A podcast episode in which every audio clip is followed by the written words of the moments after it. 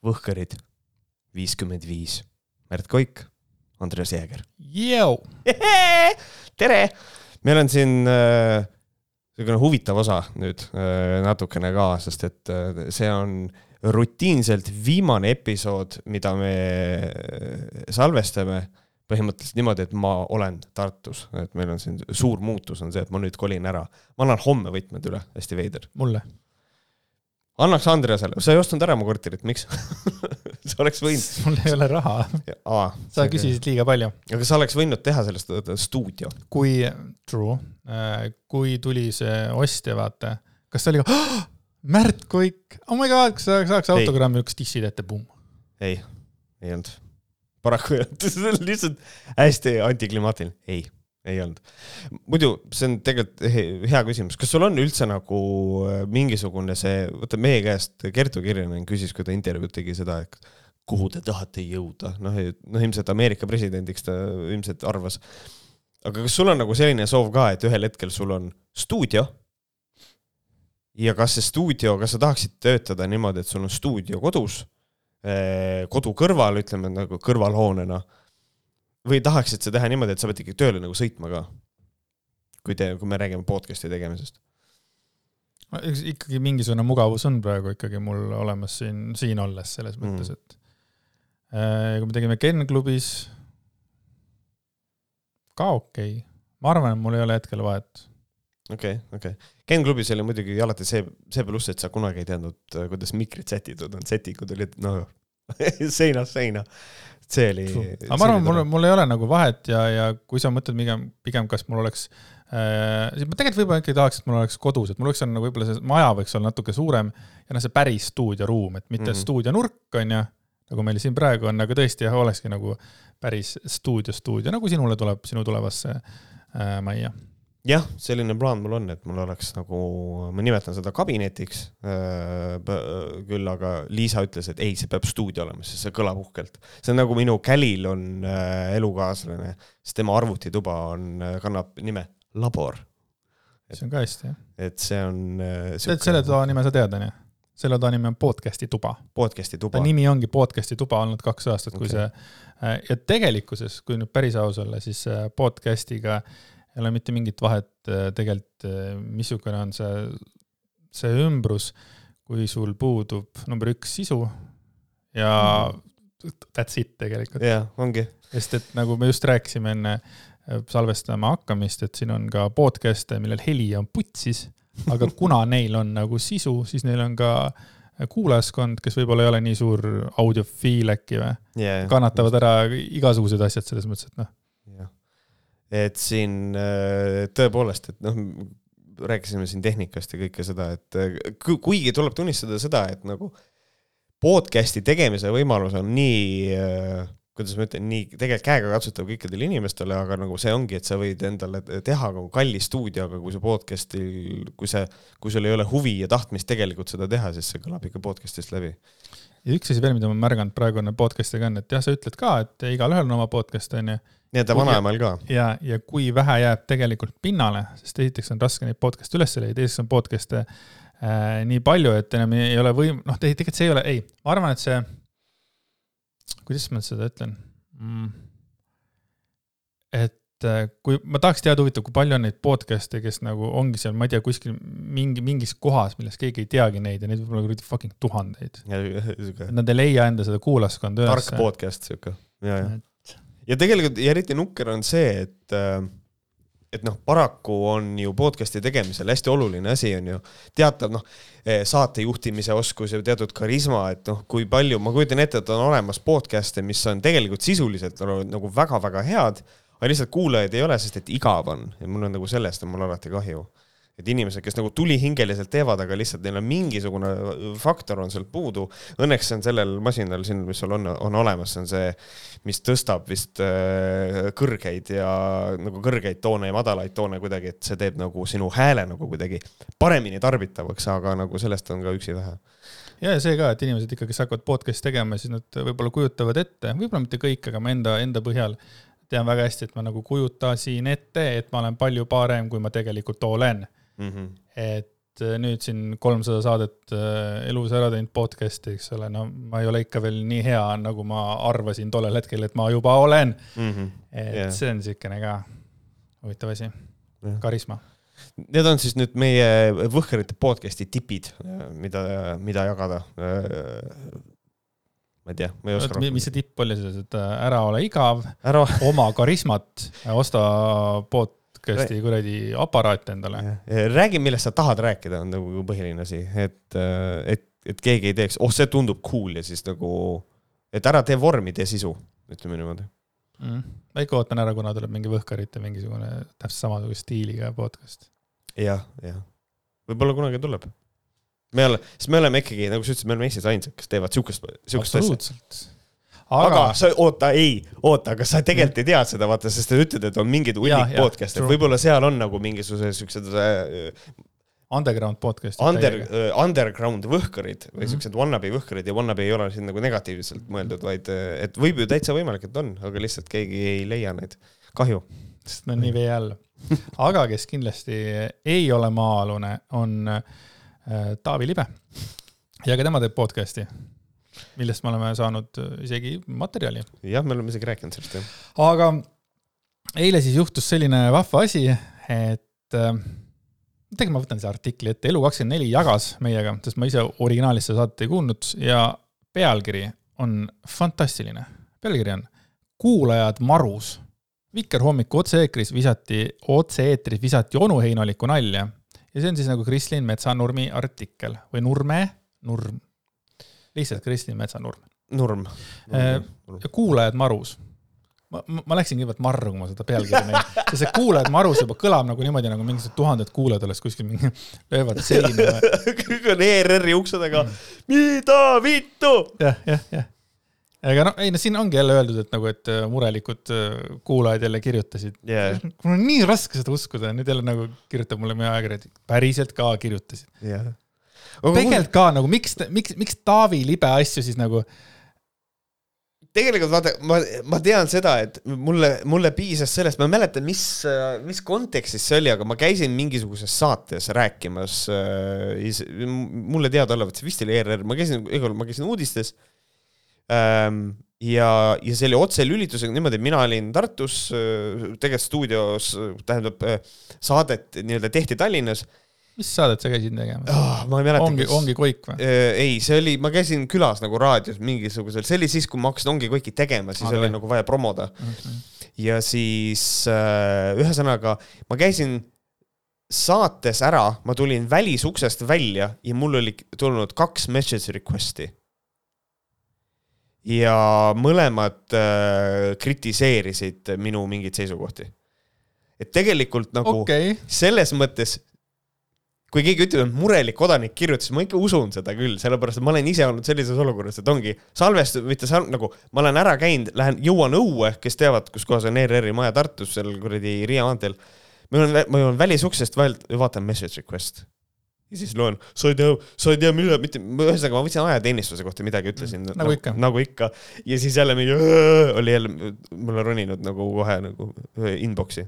nii et ikkagi podcast'id ei ole siin midagi nii võimsad selles mõttes, et äh, podcast'is võib öelda mida iganes yeah.. või ma olen kuulnud hirmsaid asju, mida on öeldud podcast ides. ühtegi piuksele kuskilt ei tule uudist tulnud ja siis Taavi Libe, mida ta tegi? Äh, nii, loeme siis artiklit. kaheksandal augustil Vikerhommik saatesse oli kutsutud äh, külla spordiajakirjanik, ajakirjanik, jesus, mm. Juhan Kilumets, kellega arutati noorsportlase Carmen Bruusi saavutusi Kolumbias toimunud juunioride maailmameistrivõistlustel. muuhulgas küsis Libe spordiajakirjanikult, kas too on tüdrukut lähemalt ka katsuda saanud. ja siis ongi, et just selle küsimuse peale kahvatusid nii mõnedki kuulajad, kes pöördusid Elu24 toimetuse poole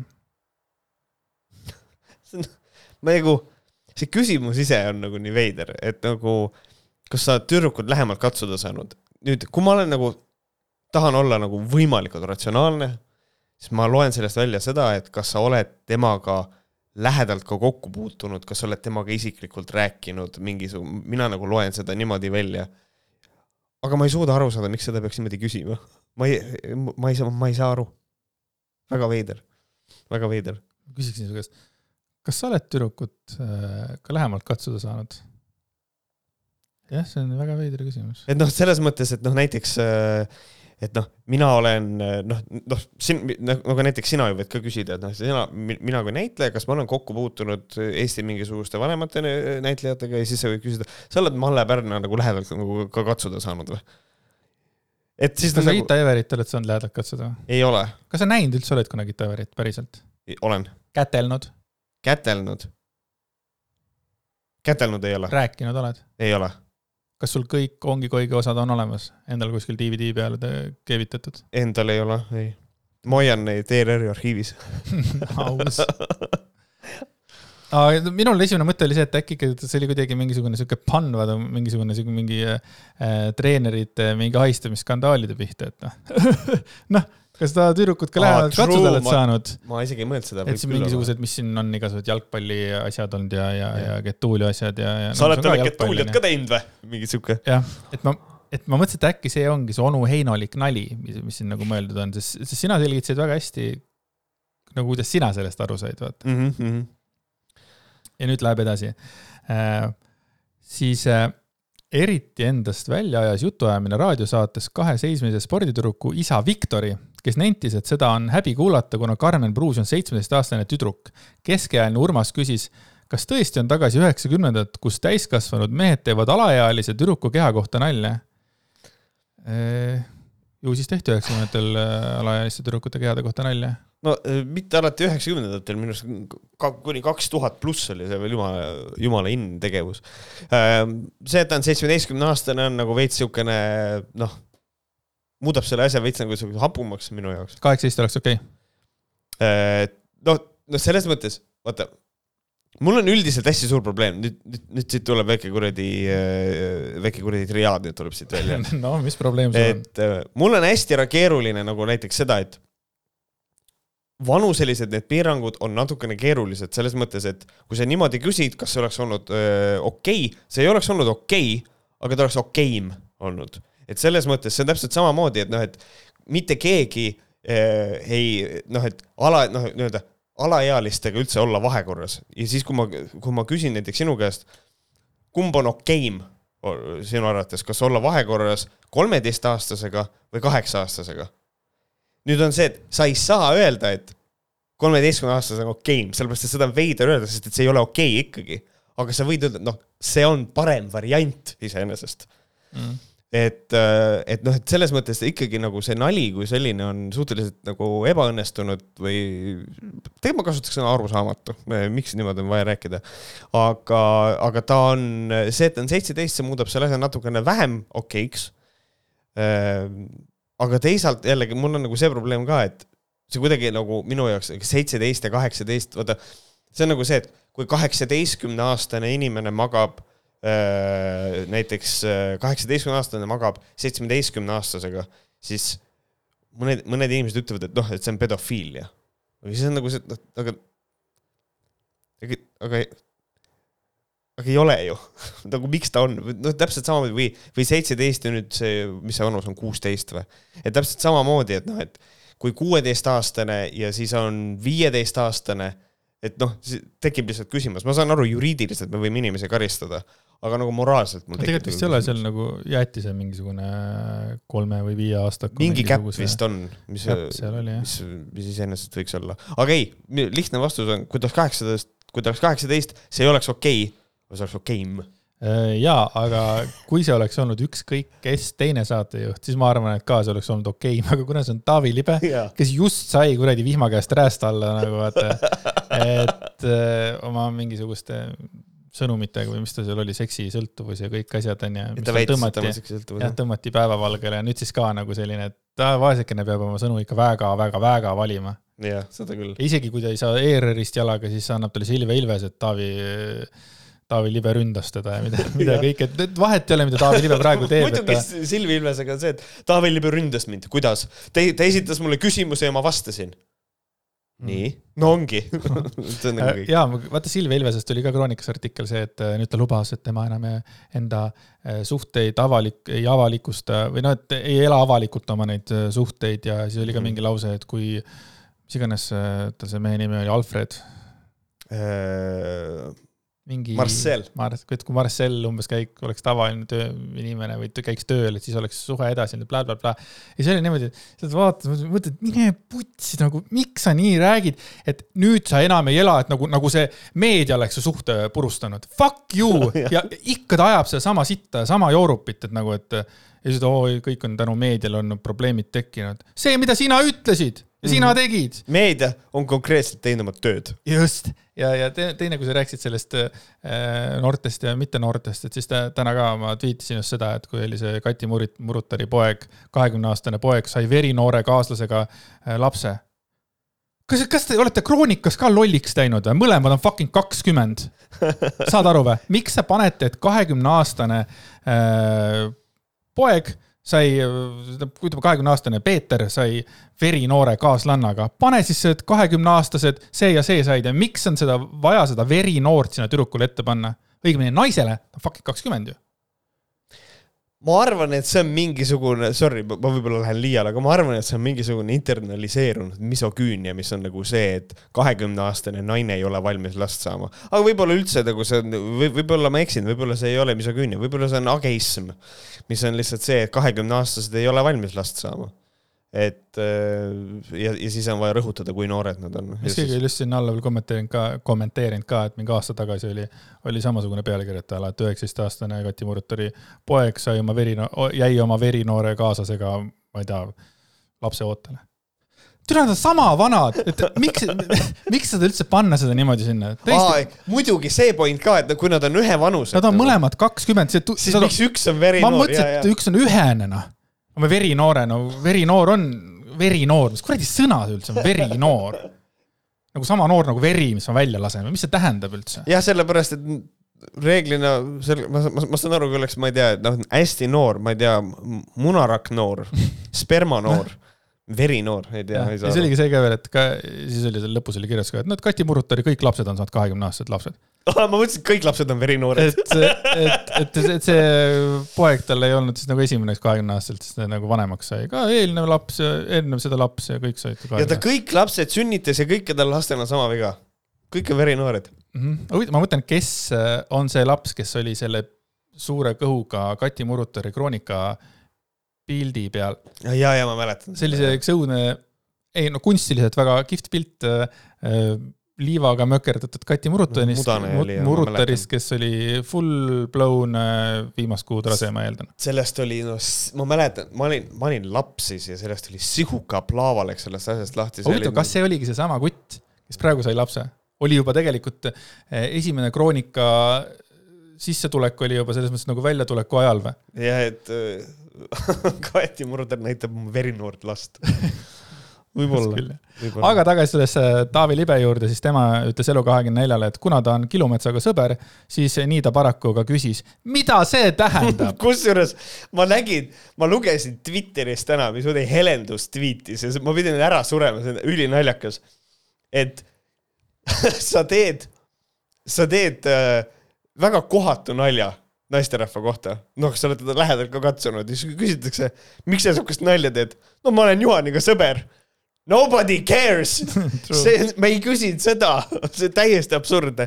see on, see on, see on nii kummaline, ei noh, ma, ma olen, ma olen sõber, mis tähendab seda, mis on nagu tegelikult siit nagu koorub, sellest vastusest koorub välja hoopis oluliselt suurem probleem, mis on see, et okei okay,, ma olen, et ma olen Juhaniga sõber, okei okay,, sa oled temaga sõber, mis tähendab seda, et sa tundsid ennast stuudios temaga liiga mugavalt ehk sa esitasid talle küsimuse, mida sa esitaksid oma sõbrale, aga sa teed samal ajal tegelikult saadet, ehk siis sa oled ebaprofessionaalne siis ju. ma mõtlesin, et sa jõuad hoopis mujale selle mõttega. ma mõtlesin seda, et ahaa, et te siis räägitegi sõpradena niimoodi, et te olete koos, olete onu Heinod ja ma tahtsin sind rünnata kohe. ma olin valmis sind rünnama, tead millega või? noh me rääkisime eelmine kord N-wordist onju -hmm. ja siis sina ütlesid, et ei no kodus te võite kõik N-wordiga, laske käia vaata, et aga noh, ärge nagu seda visake vaata nagu eetrisse vaata. Ei no ei, ja ma, ma mõtlesin, et sa Mm. nagu tuled selle mõttega, siis ma panen su kohe selle pomaki. jah, ei no ahaa, kodus, kuna me ei kas ma saaks nüüd kodus ei või ka Jaa. olla rõve äh, seksist ja I, am consistent. kui on äh, omavahel mehed räägivad, siis äh, me ei saa seda police ida, see eeldab, et see on saanud avalikuks ja me saame ainult kritiseerida avalikke selliseid asju. ma võin alati soovitada, mida ma ka N-wordi puhul soovitasin, et ärge kasutage seda sõna kodus ja täpselt samamoodi ärge äh, muutke naisi seksobjektidest ka, ka nii-öelda oma privaatvestlustes, sellepärast et see võib üle kanduda nagu avalikku vormi ka, aga seda ei ole võimalik police ida lihtsalt. tubli oled. aitäh! ja Taavi Liiv ütles selle kohta, vabandan, kui ma kedagi solvasin oma küsimusega. esiteks, kui ta oleks mõelnud nii, nagu sina ütlesid, mm. -hmm. kas sa oled lähemalt katsunud, et noh, kas sa oled nagu, ma ei tea, tut-, mis iganes, siis ta oleks öelnud, ma mõtlesin seda, aga mul kukkus see väga kehvasti välja, vabandan. aga ta ütles, vabandan, kui ma kedagi solvasin oma küsimusega, See- see, ei ole fucking vabandus. see on non-apology jah. see, kui, ma väga vabandan, kui keegi tundis ennast puudutatuna. kalanäoga vaata öelda. jah, see on siuke Urmas Reinsalu vabandus. ma väga, ajad, ajad viis inimest alla, ma väga vabandan, kui keegi viga sai. aga siiski Taavi Libe vähemalt oli tubli ja ta ei põgenenud äh, Elu24 ajakirjaniku eest nagu kõik ülejäänud ERR-i äh, suured, suured pead, eks ole, et et ei tulnud hea vabandus välja, aga ta vabandas, mis ei tee küll nagu äh, olematuks tema tegu ähm,. aga mul alati natuke süda härdub, kui inimene ikkagi vabandab. aga ta võiks siiski vabandada, et vabandan, et ma solvasin. äh, jah, see oli kohatu küsimus, palun vabandust. oluliselt parema kaaluga, ja just, ja siis äh, oli, helistati ka sellele Juhan Kilumetsale, kellega nad on suured sõbrad ja räägivad ägedaid asju, siis äh, Kilumetsa numbri leidsime ERR-i ametlikult kodulehelt, kuid kõnele vastaja vastus oli üllatav. kuulsin seda kohta, kuid mina pole ei Taavi Libe ega Juhan Kilumets, sõnas tundmatu mees telefonis. palusime siis talle edastada meile spordiajakirjanik, ajakirjanik Kilumetsa kontakti, kuid mees liinil päris seevastu. kas selle küsimuse pärast soovite tema numbrit? kusjuures, kusjuures mulle väga meeldiks see, kui see oleks, ma täiega loodan, et Juhan Kilumets nagu tegi maailma kõige naljakama asja. ta nägi ta telefoni helistas, tegi jaa. ja, ja, ja see ei olnud tema, mängis, et ei, ei, mina ei ole Juhan Kilumets. see oleks hästi armas olnud. aga see on huvitav, et ta ütleb, ta ei ole, aga siis, kas selle küsimuse pärast soovite tema numbrit ja siis veel kaasajakirjanikuna võiksite mõista seda huumorit, ma arvan, et siin te ajate küll juuksekarva lõhki. mida vittu? See on natuke veider ma. ei saa aru sellest, ma, ma nagu mitu korda vaatasin seda artiklit, see artikkel hästi huvitavalt üles ehitatud, mingisugused, mingid kohad olid nagu suurte kohtadena pandud ja aga jaa, see ongi nagu, mina saan aru, et Kilumets ütleski seda, kaasajakirjanikuna võiksite mõista seda huumorit. mingi suvaline vend võtab vastu, ütleb hm,, ja ma kuulsin küll seda kohta, aga kaasajakirjanikuna võiksite mõista seda huumorit, ma arvan, et siin te ajate küll juuksekarva lõhki. Ja, mingi- kui see ei olnud tema. nagu, nagu mingisugune täiesti, nagu miks on vaja artiklisse panna mingi täiesti suvalise inimese kommentaar, sorry noh, ta ei puutu asjasse ju. ei no aga ta ei olnud suvaline, ma arvan, et ta oli aga tegi seda. ei, see oligi, see oli, minu arust see pull oli täiesti see, kuidas siis Kristin kõik räägib selle ära, kuidas ta püüdis kõiki inimesi ERR-is kätte saada, kõiki, neid oli sadu, kõik nagu ta oli kuskil ära peidus, salaja, üks Veidemann vastas või kes ta oli, ütles, et jah, väga inetu lugu oli. Ja siis mu lemmikosa oli sellega, et äh, lõpuks helistas äh, et, Kristjan siis tagasi üldinfo numbrile, et küsida liinil olevat töötajalt äh, juhatuse esimehe Erik Roose telefoninumbrit, mis ei ole avalik. töötaja jagas lahkelt Roose assistendi kontakte, kuna mehega ei ole võimalik otseühendust võtta võimalik. järgmine proovikivi oli kätte saada assistent. peale lühikest tutvustust saime hämmastava vastuse. ma ei soovi pakkumist, sõnas Roose assistent Elu kahekümne neljane. me ei soovi pakkumist. äh,. me ei soovi pakkumist, buum, nagu ok, see on, see on kuradi kõrgem pilotaaž. ja sina tahtsid minna Reformierakonnale kommunikatsioonijuhiks, onju. siin on olemas vastus, ükskõik keegi midagi sulle ei meeldi küsimus, ütled, me ei soovi pakkumist. noh, mõelge ise, mõelge ise välja. kui keegi tahab minult kommentaari, siis ma ütlen ka, ma ei soovi pakkumist. sellepärast, oota, me ei, ma ei, ma ei pak-, ma ei pakugi midagi ja siis lihtsalt nagu, see on nagu šokeeriv, see on. jah, ja siis me, me ei soovi pakkumist. ja just, ela nüüd selle teadmisega ja siis rohkem vastu ei võta. ühesõnaga, Taavi, kuule äh,, võta kokku ennast. proovi olla natuke, et naised on toredad indiviidid ja kõike seda, et äh, aga võib-olla vähem, vähem võib-olla seda. ma mõtlen seda, et ühel hetkel Taavi Libel võib-olla nagu või tead, ei, double down Taavi, võib-olla Taavi võiks teha seda, et ta lihtsalt ütleb you know what, fuck you ja ta otsustab lihtsalt täie pasaga panna ja siis järgmises saates tuleb külla Juhan Kilumets. kuule, sa see sportlane, tal on päris hea, hea, hea tu- tulemus oli ja täitsa hea, sul nikk on tuletada või? jälle Mihkel Raak läks. lihtsalt julmalt. ja siis on lihtsalt te, siis võtavad, siis võtavad Eesti EP naised kokku, tal on normaalne perse, mis sa arvad, mis ta korv on? ja siis ja lihtsalt super, lihtsalt nagu räige. EP võistkond, EP, tead, mis mulle meeldivad, nende B-d, mingi siukene. Aga ei, ühesõnaga äh, Taavi, sulle meeldib EP, mulle meeldivad tupeed. et ühesõnaga tegelikult äh, nüüd, kus meie oleme langenud samale tasemele, siis ma leian, et me isegi on, läksime veel madalamale tegelikult. nüüd on tegelikult võimalus öelda seda, et et äh, Taavi, sa pead aru saama sellest, et äh, sinu minevik on kogu aeg praegu ussitab sul nagu tagant äh,, et chill, veits chill. ja ära unusta, et sa teed saadet, ole professionaalne. Vikerraadios veel. Ega see ei ole mingi Sky pluss, kus saab teha ägedaid kill'e. ja, ja Alari Kivisaar ja Taavi Libe võiks teha podcast'i, lihtsalt. aga nad võiks teha sellist nagu, selles mõttes underground nagu podcast'i, nad võiks olla juba cancel datud siis hakata podcast'i tegema. Boom, see oleks kõva. Heinod, midagi sellist, siis oleks, oleks pealkiri. Mhm. ja siis endal on kogu aeg üks mingi cancel datud inimene, kujuta ette, on eh, saatekülaliseks on Aivar Mäe ja siis nad lihtsalt jagavad Ja, ja. nippe, kuidas vaadata rinnahoidesse Jah.. midagi sellist. absoluutselt, väga kõva. aga rääkides rinnahoidjatesse vaatamisest, siis on mõni inimene vaatab su sisse niimoodi, et ei pea rinnahoidjat eh, eest ära tõmbamagi. see on kõige sitem see, kui, mis ma olen üle pika aja teinud. TV3 portaal siis rubriigis Seltskond.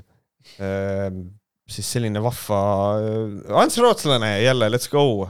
Ants Rootslane avaldas üllatava põhjuse, miks paljud suhted lagunevad. mees vajab enda kõrvale just sellist naist, mis on, mis on väga hea, mina tean, et on vaja alati usaldada verinoori mehi, kes äh, teavad täpselt, milliseid naisi mingid mehed tahavad, et. no see, et äh, Ants Rootsel võib olla päris raske tegelikult äh, välismaal oma nime öelda. ma nimesin Ants, Roots Lane. sa hakkad tõlkima, on Roots sipelgad äh,, juured äh,, tee, sipelga juuretee, heppepei, hui. sipelga juuretee. kuule, see on nüüd Twitteris, kui räägitakse edaspidi, vaata on porgand on asendatud porgandi emojiga ja kõik see, see võiks olla selliselt sipelga juuretee. aga Raadio Star FM hommikuprogrammis käisid külas terapeut ja hüpnotisöör Ants Rootslane. kaks asja. kaks, kaks inimest. Ants on terapeut, hüpnotisöör, rootslane. Roots Lane. kellega räägiti mees- ja naisenergiatest ning vaimsete praktikate populariseerimisest. saad aru, ütleb mees energia, naine, mul läheb. Hakkab jälle mingi energiajutt pihta mm.. Ants leiab, et USA-st on ühiskonda aina enam imbumas naiselikku meesenergiat ja soot- ja, ja, ja sootuks olemist, tähendab kõigepealt, kui meil on naisenergia ja meesenergia, siis mis asi on naiselik meesenergia? nagu, kas nagu see on lihtsalt, kuidas on võimalik? ma ei tea, see on lihtsalt, see on nii debiilne lihtsalt, et ma suren ära, see on õudne. Kui tekib ol-, see on siis nüüd Ants räägib. kui, kui tekib ol-, issand, ma ei oska seda häält teha, kuidas see on, kui tekib, ma ei tea, kui tekib olukord. kus mees tahab olla naine, siis minu jaoks tekib küsimus, kas seal on mingi psühholoogiline viga, mille eest ta põgeneb. ma nüüd ei, mees tahab olla naine, kas, kas nagu millest me räägime? sa ei kujuta ette, kui paljude perede probleem on see, kus lapsed on sellises kohas, kus kohas nad on? kus kohas nad on, lapsed on sellises kohas. et see on lause, mis võib käia igal pool. näiteks, oo, ma käisin perega Vembu-Tembu maal. sa ei kujuta ette, kui paljude perede probleem on see, et lapsed on sellises kohas. True. käisin Lõunakeskuses, sa ei kujuta ette, kui paljude perede probleem on see, et lapsed mul oli vanasti. Macis, Mäkis, et lapsed istusid Macis. Sa ei kujuta ette, ja Viru keskused ja kõik need sa ei kujuta ette, kui, et noh, see on siukene, millest ta siin räägib, kas, kas nagu point on seal, kas ta räägib nagu päriselt nagu transsoolisusest või kas ta räägib sellest, et, et mehed käituvad naiselikult, siis mul tekib küsimus, et mida vittu see tähendab kas ta räägib siin nagu nad täiskasvanud äh,, alguses ta räägib nagu meestest, onju, mm. -hmm. nagu täiskasvanud inimestest nagu, kellel on sooidentiteediga probleeme ja nüüd ta võtab siis nagu lapsed ette või? Jah, see on, see, see on hea point, et ühel hetkel on noh, et kui mees tahab olla naine, no esiteks ma ei tea, mida see üldse tähendab praegu Ants Rootslane, no see, sellepärast et vaatamata oma suurele populaarsusele on Ants Rootslane incoherent as fuck minu arust ja, ja, ja siin ongi, no mees tahab olla naine ja see, noh, paljud lapsed on sellises kohas. lapsed ei ole mehed ju, või on või? Stereotüüpilist meest kujutatakse matšolikult, ent rootslase sõnul võiks siiski rohkem rõhuda ka emotsionaalsusele ja tunnete väljaelamisele. aga see ei tähenda, et mees muutub üliemotsionaalseks. naine ju vajab enda kõrvale turvaobjekti ja ta peab tundma, et mees saab endaga hakkama ja suudab pere üleval hoida, selgitab Ants mm,. üliemotsionaalne, mis on see skaala? kas Just. see skaala on kõigil ühesugune või me siiski ka äh, kuidagi äh, vanuseliselt pikkuseliselt ja üleüldiselt nagu. nii et kui nagu, mis see skaala tipp on, sinu naaber või? ja siis, ja, ja siis, mis see nagu, mis, et nagu kus kohas see skaala nagu on, et mis asi on üliemotsionaalne kas mees võib nutta? ma arvan, et Ants ütleb, ta on modernne mees, ta ütleb, et Ants võib, Ants võib nutta. Ants võib nutta. sinu Ants nutab päris tihti. Minu Ants, minu Ants nutab kindlasti rohkem kui, kui Ants Rootslane. sa ei ole nii kindel tegelikult ma ei tea jah ja., võib-olla see on iga kord, kui ta Inteka ära teeb, siis ta teil läks üks sassi. ei, et küll ma rääkisin ikka Kelvast, noh, see intervjuu ka, vaata jälle mõtleb järgi. jälle oli intervjuu, ma rääkisin mingit jama et see on, et, et see on, et, et see on kummaline ja üldse mehed ja naised on emotsionaalsed ikkagi. ja see, et mehed on vähem emotsionaalsemad, see ei tähenda, et mehed on loomu poolest vähem emotsionaalsemad.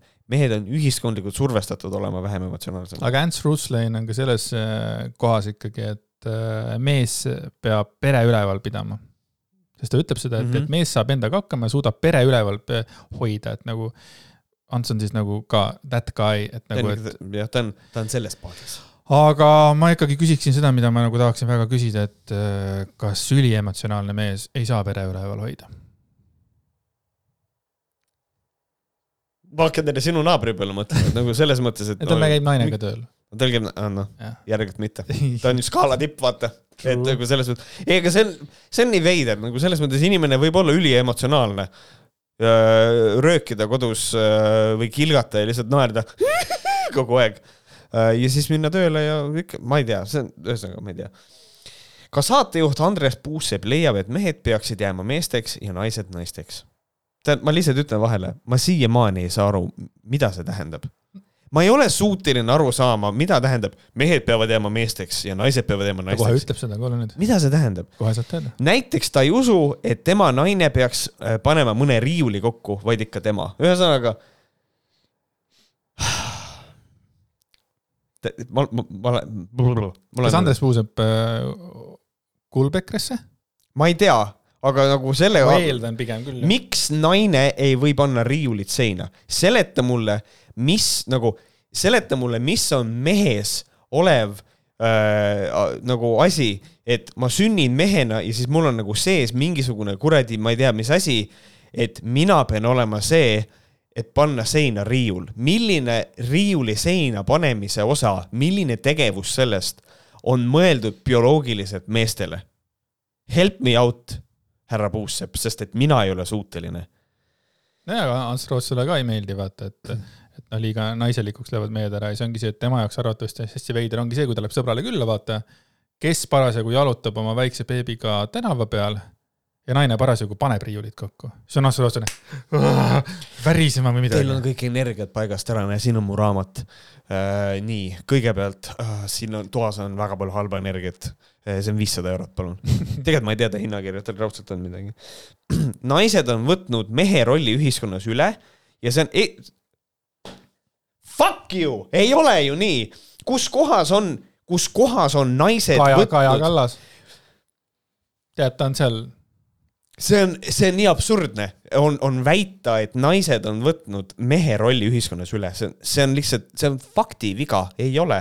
sul, see, et sul Kaja Kallas on peaminister ja Kersti Kaljulaid on olnud president, kas see tähendab, et tervikuna on nii või? valdavas enamuses on äh, ikkagi niimoodi, et äh,, et need rollid, soorollid on endiselt jagunenud ikkagi üsna traditsiooniliselt. et see väide on minu arust, see on, mulle ei mahu see pähe ja see on esimene kord, kus naised saavad end väljendada ja ei pea vaid kodus lapsi kasvatama, aga see on koht, kus meestelt võetakse jõud ära ja minnakse kõike kontrollima. ma ei tea, minu jõud on alles minu jõud on, minu jõud on ka alles ja minu naine on väga suur otsustaja ja ma ja, ja, ja ma ei tea. vaata, see ongi see, et äh, eks ikka annavad ju nõu, isegi et see ei ole hea lause, tahtsin öelda, et need, kes ei oska, need õpetavad, onju, see on mingi, mingi loll lause tegelikult mm. -hmm. ütleme niimoodi, et Roots Lane ei ole tegelikult kõige parema resümeega tegelikult äh, suhete vallas, nii palju, kui ma kuulnud olen mm. -hmm. mingil põhjusel ta teab jube palju, aga kurat ei tule enam. see tuleb talle universumist ja universum, universumis on mingi jama. et ähm, ja kusjuures see on nüüd küll üks koht, kus kohas mina nagu väga karmilt seisan vastu. meestelt võetakse jõud ära ja minnakse kõike kontrollima. jõudu ei saa mitte kellegi käest ära võtta, kui ta ei anna seda ära nii et äh, sorry, aga see on äh,, eriti kui me räägime nagu mehed-naised suhetes, see, see lihtsalt nagu see ei ole nii. kui mees ei taha kontrollida, siis mees ei kontrolli, kui mees tahab, siis las ta kontrollib. et see, et võetakse meestelt jõud ära, see on minu arust täiesti absurdne. rootslane selgitab, et terapeutiliselt vastutab siiski naine koduse õhkkonna loomise eest, aga ei tähenda seejuures, et ta ei võiks end realiseerida see võib olla põhjus, miks mõned partnersuhted ei toimi, sest mees vajab enda kõrvale pehmet ja voolavat naist, natuke ka naiivse olekuga. kui naine on väga palju välisele orienteerunud, siis harmoonilist suhet pikaajaliselt on raske hoida. see on Eesti perede klassikaline juhtum. naine on pidanud kõige eest vastutama, mehele pole osatud anda ja mees pole osanud võtta. nüüd see on juba Eesti perede klassikaline juhtum. ja tegelikult alles Ameerikas hakkavad naised meestuma, mehed naisestuma siin on nagu see, et ma ei saa päris täpselt sellest aru, miks on vaja niimoodi öelda, et naine selle eest vastutab, see on, et ma loodan, et ma loodan, et Ants on vähemalt nii palju intellektuaalne inimene, et ta on suuteline sellest aru saama, et ta räägib tegelikult mingisugusest ühiskonna normist, eh, mis on meil aja jooksul tekkinud, aga see ei tähenda, et see peab nii olema, sellepärast et meil on väga palju asju ühiskonnas, mis on kulgenud välja nagu äh, mingil hetkel ja tegelikult need võivad ammu muutuda, aga nad ei muutu, seepärast et mugavam on süsteemi hoida. et see, et koduse õhkkonna loomise eest vastutab naine, see on mingisugune traditsiooniline peremudel, mida millel ei ole mitte mingisugust otsest alust, et selles mõttes, et äh, see on tulnud sellest vanast ajast, et naine on kodus, mees käib kuradi jahil ja, ja see on sealt, aga me ei ela enam sellises ühiskonnas tegelikult ja, ja, ja me ei pea elama, et mulle jääb see arusaamatuks ja loomulikult ka mees vajab enda kõrvale pehmet ja voolavat naist. Äh, natuke ka naiivse olekuga mm. -hmm. on minu arust nagu eriti rõve. aga pehme ma ikkagi eeldan, et äh, tema ikkagi pigem mõtleb nagu äh, hingelt ja vaimult. või ta mõtleb ikkagi, või ta ikkagi embrace ib selles mõttes ka body positivity't. no ma arvan, et ta mõtleb pehme olekuga ikkagi seda, et naine peab olema äh,, kuidas see on, järeleandlik ja midagi sellist. That's what I think mm. -hmm aga jah äh,, nii on ja Ants Rootslane äh, vembu tembutab jälle. just, aga ja. nüüd on aeg äh, sisse juhatada Andreas Jäägeri väikene segment mille pealkiri on Laura killed a, podcast star ähm,. mille andis tegelikult, mõtte andis Karmo, selle pealkirja ta kirjutas mulle, et noh, Laura Kilde, ma ei mäleta, kas ta oli raadiostaar või podcast staar, et yeah et siin... Äh, siin äh, Laura Kild, kellest me oleme natukene rääkinud, äh, on kuidagi veendunud, et nüüd me ainult temast räägimegi.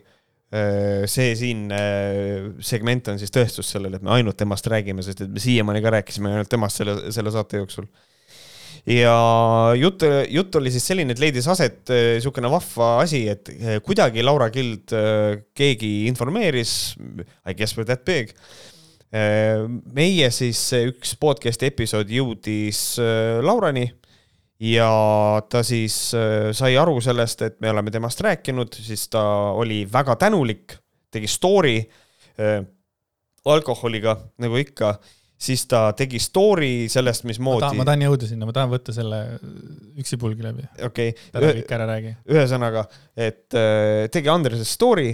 Andreas, mis ta siis rääkis ähm,?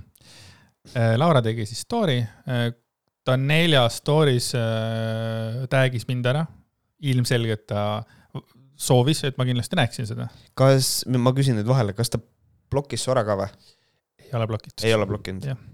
okei okay., sest et mina ei leia teda, mulle tundub, mina, ta mind on ära blokkinud, mis on eriti veider. no vot, ei tea igatahes Laura hakkas siis rääkima oma story's, ta oli väga õnnelik. mul on ülihead uudised teile. Siis ta avas Prosecco eeldatavalt. seda peab tähistama, sest nagu midagi sellist, mida minu karjäär pole veel näinud ma ei tea, kas te olete valmis, see on midagi nii suurt ja nii pekkis, et see on midagi nii ägedat, et uh, ma kohe tulen kanalisse Energiasse, vaadake.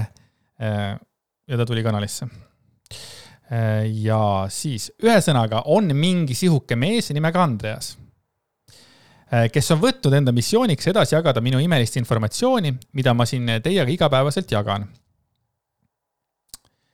Äh, ma arvutasin, ma tegin kiire arvutuse, et Laura arvab, et ma olen võtnud enda missiooniks Laura ja mm, väike informatsioon teile siis, et Võhkarid on teinud praegu kaheksakümmend üheksa saadet koos Patreoniga mm, -hmm. nagu öeldakse, koos Patreoniga kaheksakümmend üheksa saadet, keskmiselt on äh, viis teemat, noh, mõnikord on seitse, mõnikord on neli, aga ma viskasin julmalt, äh, viis teemat on kuskilt ühes saates.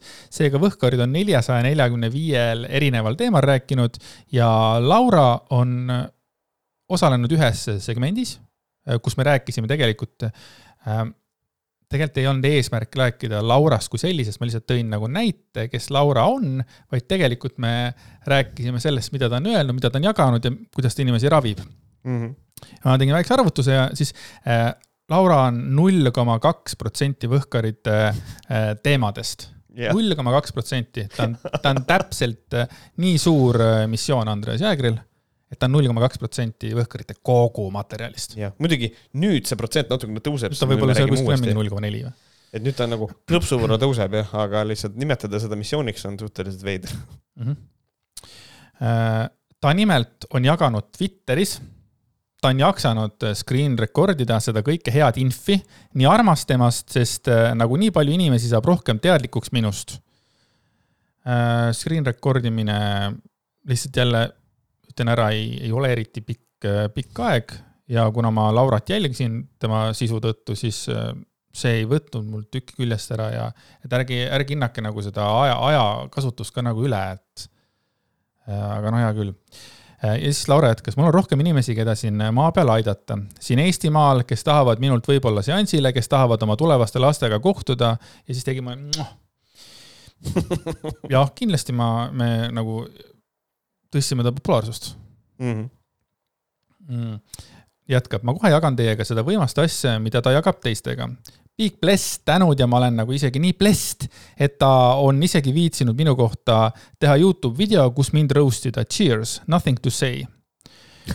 Nothing to say mm. -hmm. esimene küsimus on see, et äh, ma kuidagi, see puudutas mind siiamaani kõige rohkem, et ta ütles, et ta on isegi viitsinud minu kohta teha Youtube video. küsimus on selles, variant üks kas sa oled tühi koht, Märt? või variant kaks, ta fucking kardab sind, sest mis põhjusel on Märt Koik jäetud asjast välja. ma nüüd ei lükka seda Märdi peale. ei, ei, ei, ma lihtsalt küsin, miks olen, miks mina olen viitsinud teha Youtube video vaata, siin ei olegi muud teha, kui lihtsalt võib-olla iga kord, kui me Laurast räägime, siis ei või niimoodi teha. ja, ja. nii, Andres. ja, ja siis mina jälle räägin edasi. et mis sa arvad siis, et või ta ei oska lugeda, et all on kirjas Võhkarid. sest et minu Twitteris, kuna ma jagasin, selle koha pealt ka, Twitteris ma jagasin äh, kolme tema fantastilist äh, mõttearendust ja siis ühte Youtube'i äh, äh, reklaami ja mis tähendab, et seal on umbes see protsent on, noh, meie selle video Võhkarite mm -hmm. seda, et seal on see protsent ka umbes sama palju, see null koma kahe juures. et niivõrd palju on meil sisse võetud. ma lihtsalt mõtlen seda, et nagu temani jõudis tweet, siis ta ilmselt ikkagi noh, tegelikult nagu let's be honest, teda häirib see, mis sa tegid mm. -hmm. ja siis temani jõudis võib-olla hiljem see Patreoni asi ja ta lihtsalt, kuna, kuna ta nägi seda sinu tweet'i ilmselt esimesena, siis ta selle pealt lihtsalt jäigi, fikseerus sinu peale, ma arvan, et see on niisugune lihtne minu koopainimese loogika. Davai, koopainimene. Äh, tead, mul on hea meel, et sa oled endale jälgijad saanud, vaatamisi naermist. aitäh! aitäh! Äh, tänud, ma sain täiega naerda ja ma vaatasin kusjuures, et sul on mingid traumad, et lapse kõrvalt, noh, naine ei taha seksida ja nii edasi. Äh, mingi artikkel või mitte, et ma ei rääkinud, vaid mulle jagate.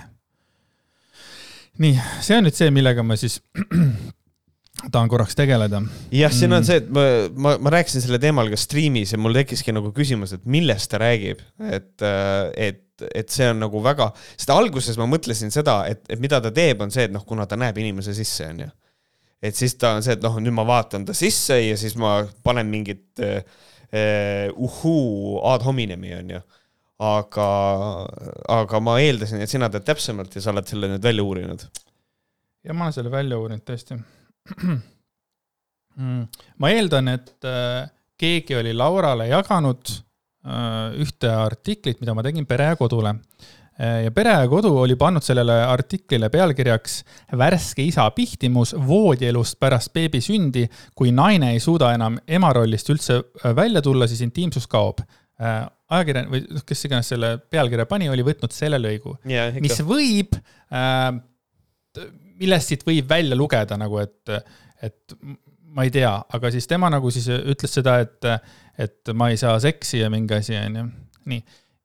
ma kohe jõuan selleni, eh, miks mul ei oleks ka selle vastu midagi. aga ma eelnevalt eh, tahaksin teha ajakirjanikku, nagu tahaks paluda Laura sel juhul nagu paremat nagu. vaata, kui mina teen kellegi kohta mingisugust asja, siis ma nagu äh, veits vaatan selle inimese kohta, mis seal toimub ja, ja prooviks oma faktid nagu paika panna, võtaks mingid asjad, mis värk on.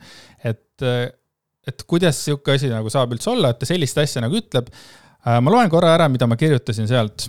eeltöö on nagu tegemata. eeltöö on väga tugevasti tegemata, mida ma kirjutasin tegelikult artiklis.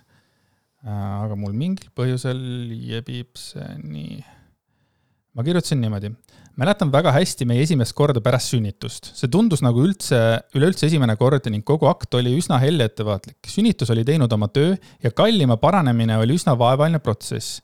mul on hea meel, et alustasime seksuaalelu teadlikult nii kiiresti kui võimalik. olen kuulnud, et mõned naised ei lase endale ligi väga pikka aega, läheduspartneriga tuhmub ega tulegi tagasi. soovitan aga mitte unustada, et intiimsus pole ainult füüsiline asi. Äh, ka meeste jaoks. füüsiline intiimsus võib tähe-, väheneda, aga see on imeline aeg, et oma kallimaga vaimset intiimsust kasvatada. võtta teadlikult teineteise jaoks aega, äh, leida julgust ja oskust teineteist kuulata, mitte hukka mõista. vaimne intiimsus tähendab, et äh, teineteise jaoks ollakse olemas ka äh, Äh, emotsionaalselt, see oli see, mida mina ütlesin. kuidas on võimalik siit seda välja lugeda, ma ei tea äh,. ta luges pealkirja. ta luges ainult kõige haigem ongi see, et Laura, kes võtab hingehinda tegelikult äh, oma seansside eest, ei suuda siis nagu mingit kümmet euri Delfi peale või siis nagu, et noh, siis nagu, nagu vaadata natukene facts rate ja teeme pudeli lahti ja hakkame lahmima mingeid asju. ja nüüd, nüüd ongi see, et siin on mm, võib öelda, et, et mulle ei meeldinud see, et ta nagu selle asja siin nagu esile tõstis, kuna see ei ole tõsi, on ju. aga tegelikult mind häirib üks asi veel rohkem, mind häirib see, et terapeudina, kes inimeste traumasid äh, ravib mm, -hmm. ta mhm. võtab ühe asja ja kui see oleks praegu olnud minu teema, et, äh, et ma ei saa seksi. ja ta ironiseerib selle üle, mis tähendab, et ta omakorda ironiseerib siis nende inimeste trauma üle ja mina liigun sellega veel edasi, ta naerab ka selle üle, kui naised, kellel on olnud raske sünnitus või mingi asi, et kuhu me jõuame sellega liikuda. mulle sihuke asi mulle absoluutselt ei meeldi, aga kuna noh, äh, see on fucked up, Laura, et selles mõttes sina terapeudina sellist asja nagu ei tohiks ja. absoluutselt teha. millegipärast kõik need kuradi soolapuhu ja uhuu kuradi terapeutidel on selline komme ikkagi, et kui keegi nagu neile mm ne, keegi neid kritiseerib, siis nad nagu unustavad ära, et nad on terapeudid ja nad tegelevad hinge tervendamisega ja siis on vaja, siis on kõik kindad maas, siis on kõik sinu isiklikud mingisugused probleemid on ainult asjad, mida rünnata. et see on, see on jah huvitav asi. aga, aga mul on ka väikene osakene, mida ma tahaksin Laura tekstist ette lugeda, mida Laura on öelnud. ja siis ma jõuan nagu pointini. Laura rääkis enda podcast'is aga see mingid traumad, uskumused, egod, mida ma olen endale loonud, et ma siis ei ole midagi väärt. mees, kes teenib raha ja kes annab mulle oma rahast. sest kumbki, ei minu isa ega kasuisa ei soovinud seda teha.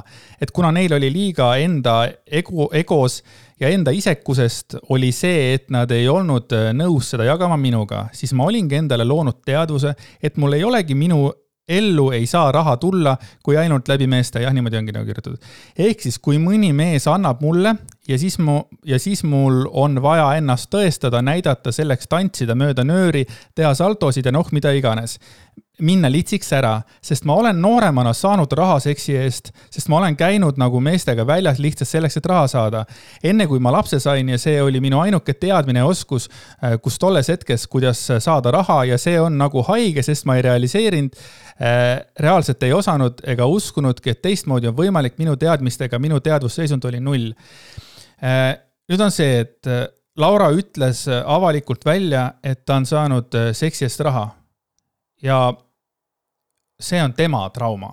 ma elu sees ei kavatseks hakata selle üle nalja viskama, et äh, temal on kasu isa ja, ja tema päris isa on keeranud selle äh, vaimse seisundi äh, perse, et tema nagu, ma siit lugesin välja siis et, ta tundis, et ta ei ole väärt mitte midagi ilma mm, et mingit asjaga, et, et ainuke võimalus on saada, mehed annavad raha ja siis ta ongi siis noh, ma ei ütle, et töötanud sekstöötajana, aga siis nagu saanud raha seksi eest. ma elu sees ei mõtleks selle pealegi et hakata ironiseerima selle üle või rünnatada selle eest, eks ole, mis on ja, tema just. traumad olnud. et me ei hakka, et, et et noh, et me ei hakka nagu seda tegema, et nii, nüüd äh, Laura on meie suhtes kriitiline ja siis me hakkame noh, noh, mis tal kriitiline olla on, ise on prost olnud mhm. põhimõtteliselt, et noh, see on nagu, see on asi, millega me nagu, et noh, see on nõme sellepärast, et siis me oleks nagu Laura, mida tema tegi nagu, nagu sinuga, ainult et üks erinevus on äh, see, millest sina räägid, on nagu tema jutt, mida ta päriselt rääkinud on. see, millele tema sinu puhul viitas, on asi, mille tema on ette kujutanud, sest et ta ei loe artikli sisu, vaid ainult pealkirja et äh, mis veel mind hästi kurvaks tegelikult selle juures teeb, on see, et äh, vaadates Laura järgnevaid story sid, mis ta on teinud, siis äh, praegu ta ongi sellises kohas, kus tema räägib, et meestel tuleb nagu tema pärast võidelda ja kes rohkem tema eest nagu võitleb ja kes rohkem nagu pingutab, see saab ta põhimõtteliselt endale, on tema loogika.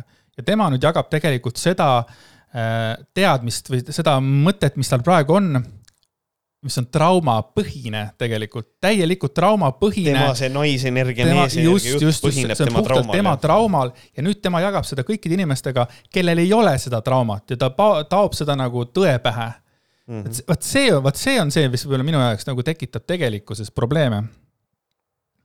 Äh, ja noh, siis ma tulengi veel selle juurde ka, et sa ütlesid ka, et, et terapeudid kipuvad ära unustama seda, et kui nende kohta midagi öelda, siis võtame kindad käest ära ja hakkame lahmima. siis Laura, äh, ma tean ka seda, et sa tegeled sellega, et inimesi äh, ja nende egost nagu vabastada või selles mõttes, et nagu noh, et, et egost lahti lasta ja nii edasi. aga kuidas on niimoodi, et Laura ego sai praegu nii haiget, nii haiget, et ta tegi lihtsalt äh, Insta story't, kust, mis oli peale veel kahteteist öösel, kus ta niimoodi haiget see ego sai, et tegi Insta story'd ja hakkas nagu minule nagu enda arvates nagu puid alla panema, nagu mängides seda, et oi kui tänulik ta on. ja siis me varsti jõuame lõppu, saame aru, kui tänulik ta tegelikult ei ole. et jälle üks asi, sa õpetad teistel inimestel egost lahti laskma, aga sa, aga sa hoiad ja sul on endal töö tegemata, et ja samamoodi ka see enda sinu trauma, mis sul on, mis on väga hull, mul on väga kahju, et sa oled tundnud sellist, sellist elu, et sa ei ole tundnud ennast väikse tüdrukuna väärtuslikuna ja sind ei ole nagu niimoodi hoitud, nagu sa oled tahtnud, see on täiesti fucked up teema. see on, selles suhtes on sul õigus, see on fucked up teema. Mm.. nii, ma lähen nüüd tagasi selle juurde, millega me alustasime. Mm.. mitte artikli või rääkida, mulle ei jagata, nii, aga jaa, ma share in täiega ka seda imelist, imelist klippi, et saaksite ka seda kuulata, ma ei tea. Äh, siis ta jagas seda klippi, kus me Youtube'is olime, aga ta just rääkis sellest, kuidas ma ei saanud seksi tema mm. nagu loogika järgi ja mingi artikkel oli, et noh, see on ka selline asi, et, et noh, siis jaga siis seda artiklit või noh, või yeah. et, et kuidas, kuidas see asi nagu käib, aga okei okay. ja siis ta ütles, kui kellelgi on aega ja viitsimist, soovi raha kulutada selle Platen, Paternioni toetuse peale ja vaadata see video lõpuni, siis please share'i minuga ka, sest ma tunnen, et see ei kõneta mind, sorry, see nii hea video ei olnud, aga still mulle tundub, et sulle meeldivad mu videod, et aitäh, et oled viitsinud need vaadata. Eh, jälle paar, paar asja. Eh, ta ütles, et eh, please share'i minuga ka ja siis ta ütleb kohe, sest ma tunnen, et see ei kõneta mind. see nii hea video ei olnud. What? aga tuleme siis selle juurde, et kui ma need story'd ära nägin ja kuna Laura ilusti küsis seda kuulata, siis ma äh, saatsin talle kohe selle, kirjutasin, et sinu segment on ka kuuldav tasuta ja saatsin talle selle podcast'i lingi, see, kus üheksateist minutit see mm -hmm. äh, naiselikkuse teema oli. ja siis kirjutasin talle veel seda ka, et tänud sulle story'de ja content'i eest. siis ta kirjutas, pole tänu väärt. ja siis ta ei jäänud rahule, siis ta ütles, et ning edaspidi, kui soovid minu content'i jagada, siis palun aruta seda esmalt minuga äh, ma siis veel vastasin talle, ma ütlesin talle kindlasti mitte, meesenergias olevana ma lihtsalt võtan sest et äh, mehed võtavad. türa kui savage aga ka Laura ei jäänud sellega ja siis läks Laura närvi ja Laura kirjutas mulle, jah, ning selle me, sellega mentaliteediga sa lihtsalt ei austa mind ega mu soove eh, ning oled egos, mitte päriselt meesenergias.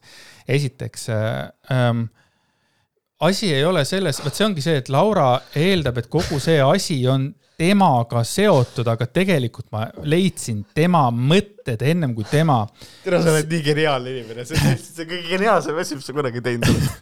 et selle mentaliteediga sa lihtsalt ei austa mind ega mu soove oh vaata, nüüd on Laura jõudnud siis Võhkarite produtsendiks, sest tema ütleb, millest Võhkarid võivad rääkida mm. -hmm.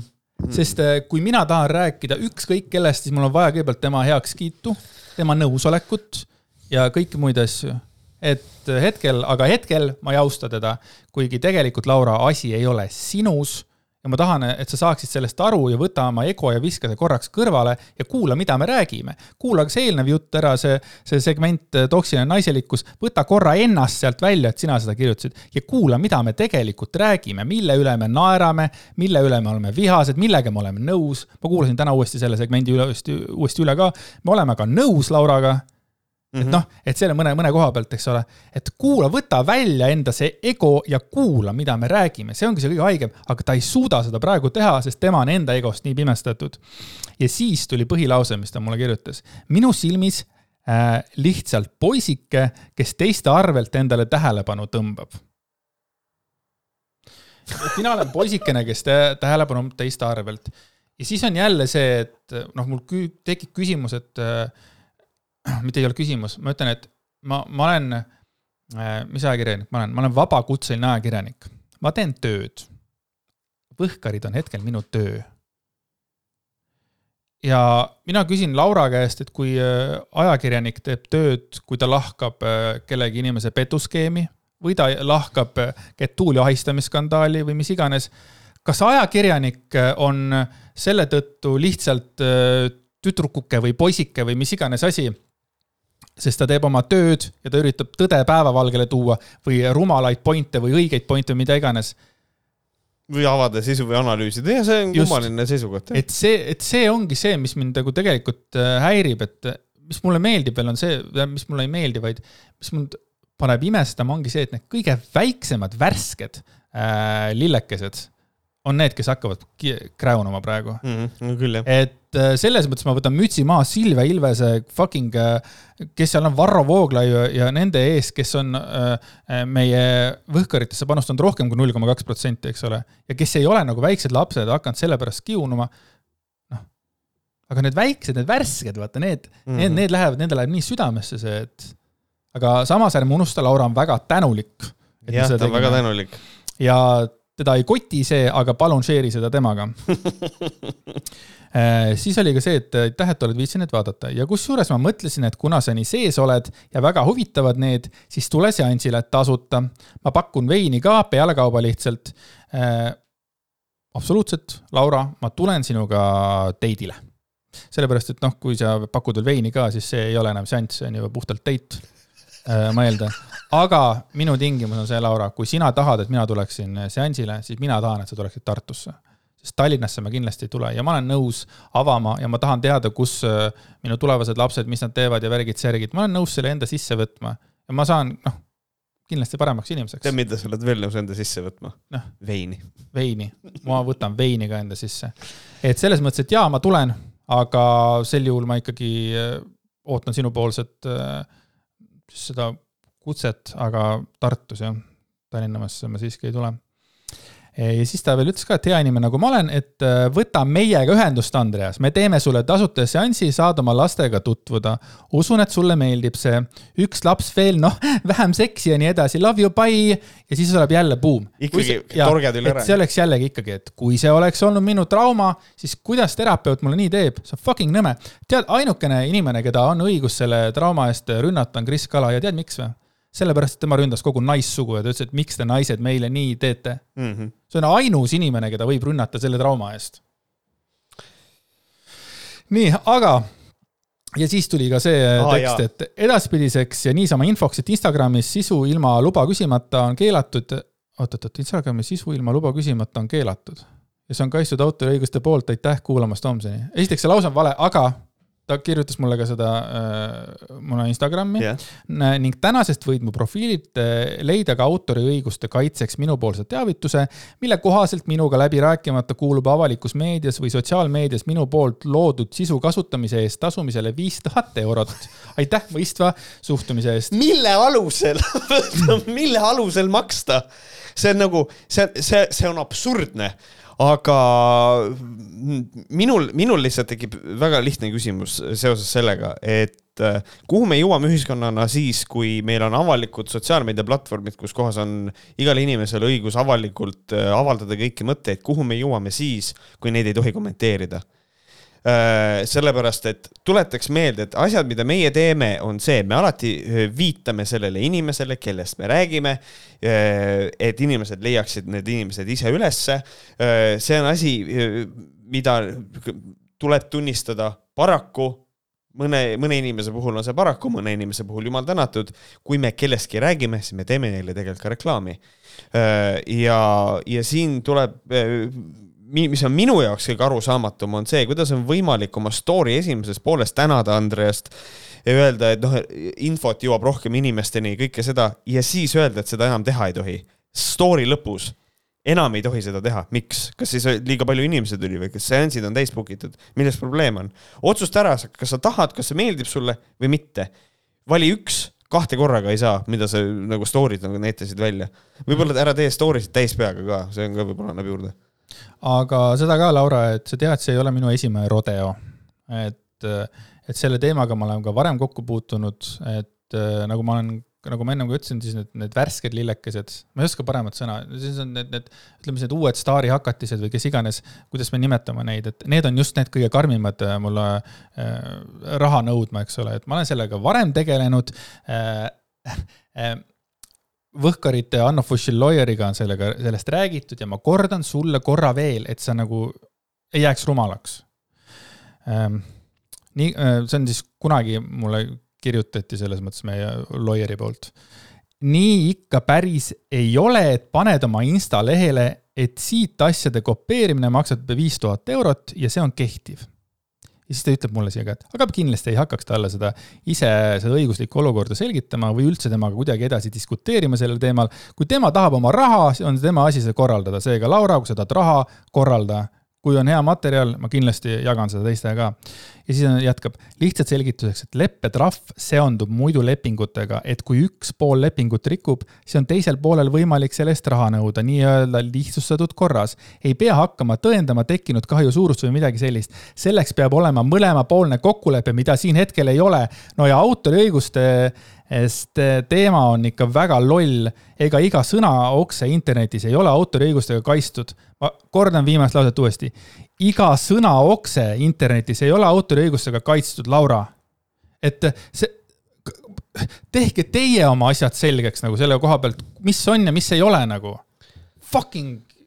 ja, ja, ja no siin on, see, see on muidugi juba kõrvaline teema, aga nagu selles mõttes, kui keegi võtaks Võhkaritest välja mingisuguse klipi ja kommenteeriks seda ja, ja vaidleks vastu, siis mina leian, et see oleks just, oh, diskussiooni koht. Oh, võimalus mingil teemal rääkida, oh, võimalus, noh, mingisugune avaliku debati vai, va, variant mingisugune, et noh, selle teemal võib diskuteerida, rääkida, noh, mingid siuksed asjad. mitte ei oleks see, et Äh, ma hakkaks kohe lükkama kõiki kanaleid kinni, et neid mingil juhul ei tohi kasutada. siis oleks, kui keegi lõikaks meie videost kokku, jättes meist muljet, et me ütleme asju, mida me tegelikult noh, mille taga me ei seisa, on ju.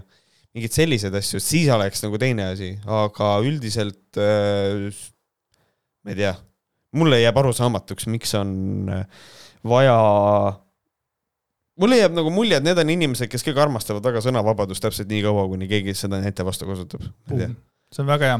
ja siis nende story'de lõpus oli veel äh, Meelepeegel nimeline, see on siis see, kes äh, äh Kassja Shakti Shamatilot äh, ravib ja on aidanud teda, selles mõttes temal on teinud päriselt reklaami, kui ta aitab sellist suurt staari nagu Kassja Shakti Shamatilo et siis äh, meelepeegli story'd oli ka sinna otsa pandud, Laura story'd otsa, et äh, minu poolt ka tervitused, kallistused, suured-suured tänud niisuguse tähelepanu eest. ja saada aru, meelepeegel tuli ühe minu Twitteri postituse kommentaarina rohkem teda ei ole kuskil nagu mainitud mm., et ma ei saa nagu sellest aru, et, et see on veel väiksem lävi on sellele yeah., meelepeeglil on veel väiksem lävi. Äh, nii suured tähelepanu eest, samamoodi sõnatu, lihtsalt imeline, kui keegi viitsib oma aega minule pühenduda ja minu tegemistele kümme sekundit äh, oli ta mingis väikses videoklipis, aga ok. ja mõlemad Märdiga olete väga oodatud seanssidele täiesti tasuta, kõiki imelisi asju kogema. kus see Märt siia puutus? ilmselt Võhkarite klipp, ilmselt Võhkarid. aga ta ei olnud seal nagu millimeetrike sees. no jaa, aga sõbranna sai, sõbranna sai liiga. okei okay,, aga ma, ma just mõtlesingi seda, et kuidas nüüd sina siia sisse tulid, onju. Mm, täiesti tasuta kõiki imelisi asju kogeme. kahju, et me oma alkohoolikust sõbranna Lauraga seda õhtut jagada ei saa.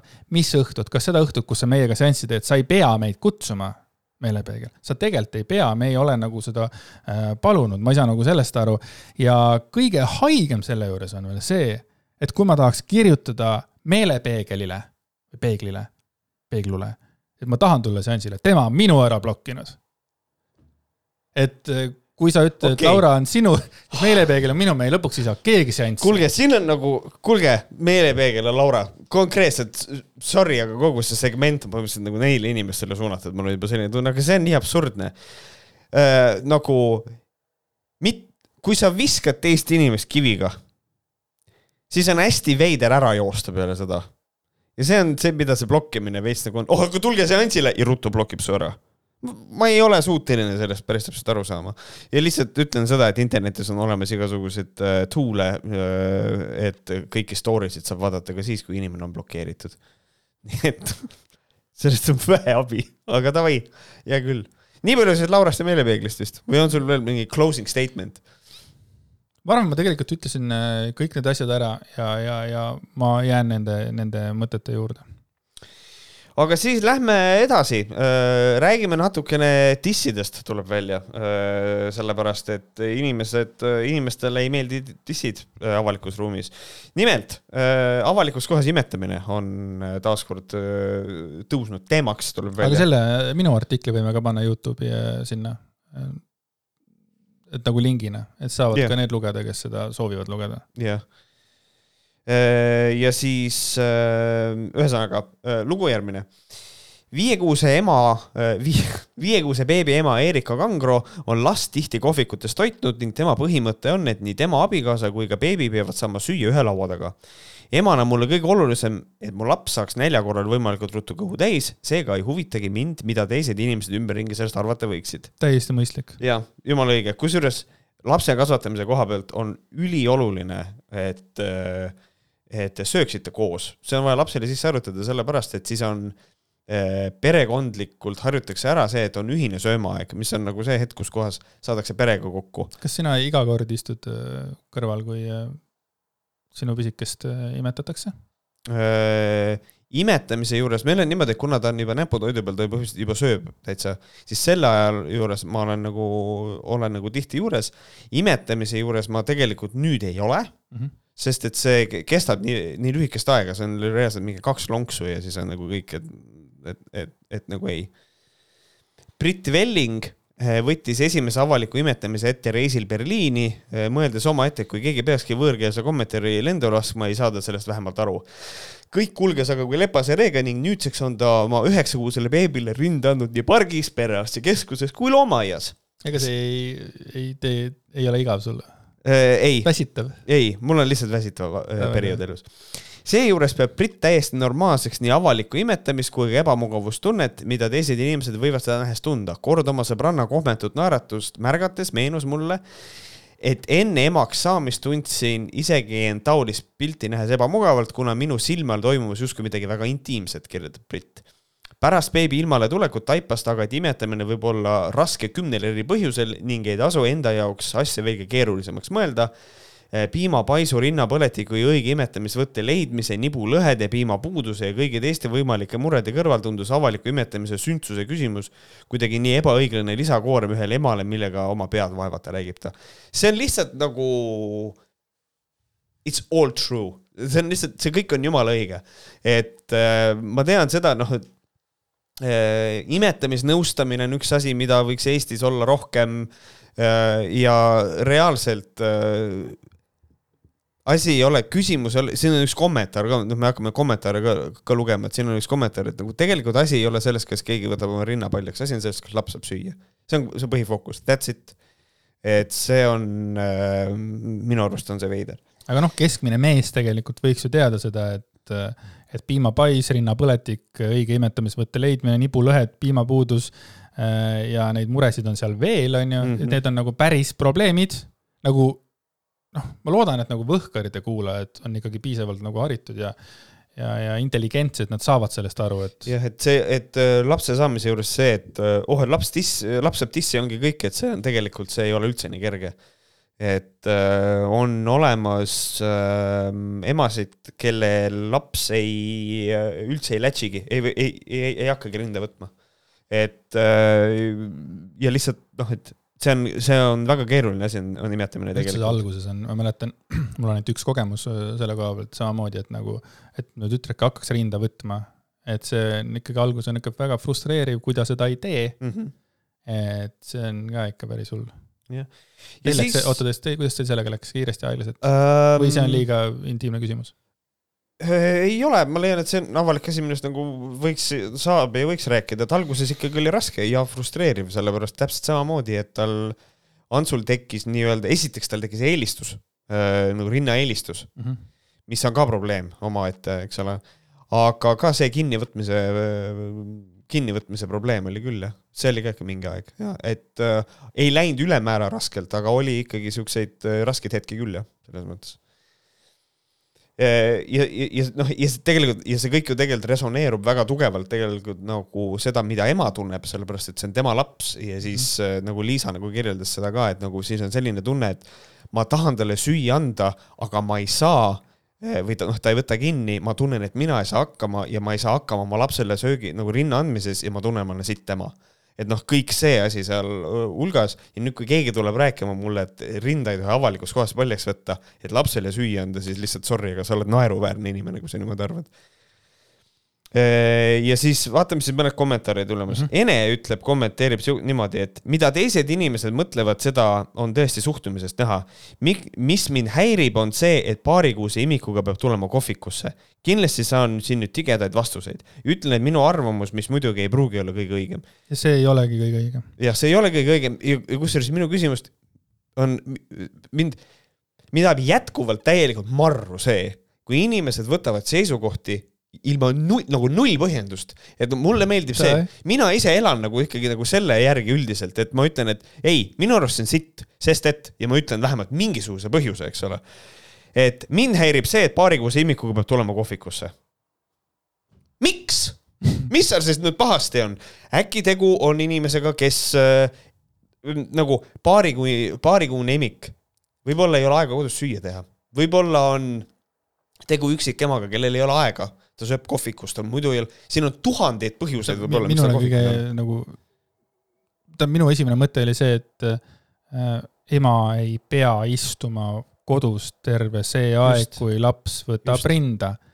nagu holy fuck. see, kusjuures. nagu kõige, minu jaoks on kõige lihtsam nagu loogiline. mul on, mul on vahest selline tunne, kui me seda saadet teeme, et vaata mingi asja koha pealt me oleme super woke me oleme super woke ja kui me räägime imetamisest praegu, ma tunnen, me oleme praegu super woke podcast, kaks meest räägivad praegu sellist nagu roosat juttu, et see, see on imeline, I love it. nii, siis Monika ütleb seda, et asi ei ole naiste õiguses rinnaga toita, vaid lapse õiguses süüa. Boom, Monika Jõekeerd. see on, see, see on, see on jumala õige ehm, ma jõuan selle mõtteni ilmselt hiljem. Kätlin kirjutab, ei ole okei okay oma rinnad paljaks kiskuda igal pool ja öelda vabandamiseks, et laps tahab süüa. selleks salli aja planeerimine, eh, et teiste ees seda tegema ei peaks. nii, Kätlin, sa üks laps enne, kui sa oma lolli suu lahti teed. see viitab selgelt, et tegu ei ole emaga, tegu ei ole inimesega, kes on kunagi rinnaga kedagi imetanud, mina seda ei usu. sellepärast, et esiteks rinnad paljaks kiskuda rindu ei kista paljaks, millegipärast siin jääb mulje nagu inimene peab endale võtma topi seljast ära, et, et seda teha, see ei ole tegelikult niimoodi. ütleb, et selleks on sall, mis ma siis, et laps sööb ja siis ma panen lapsele salli näkku, kui ta sööb või? ja teine asi, aja planeerimine. My dear, my dear dumb person. lapsed söövad ikkagi suhteliselt irregulaarselt, kui nad on väikesed lapsed söövad mitte ainult sellepärast, et neil on kõht tühi, vaid ka siis, kui neil on janu. ja e, on olemas igasugused äh, erinevad asjad, näiteks on arenguhüpped, mis muudavad totaalselt lapse toitumist.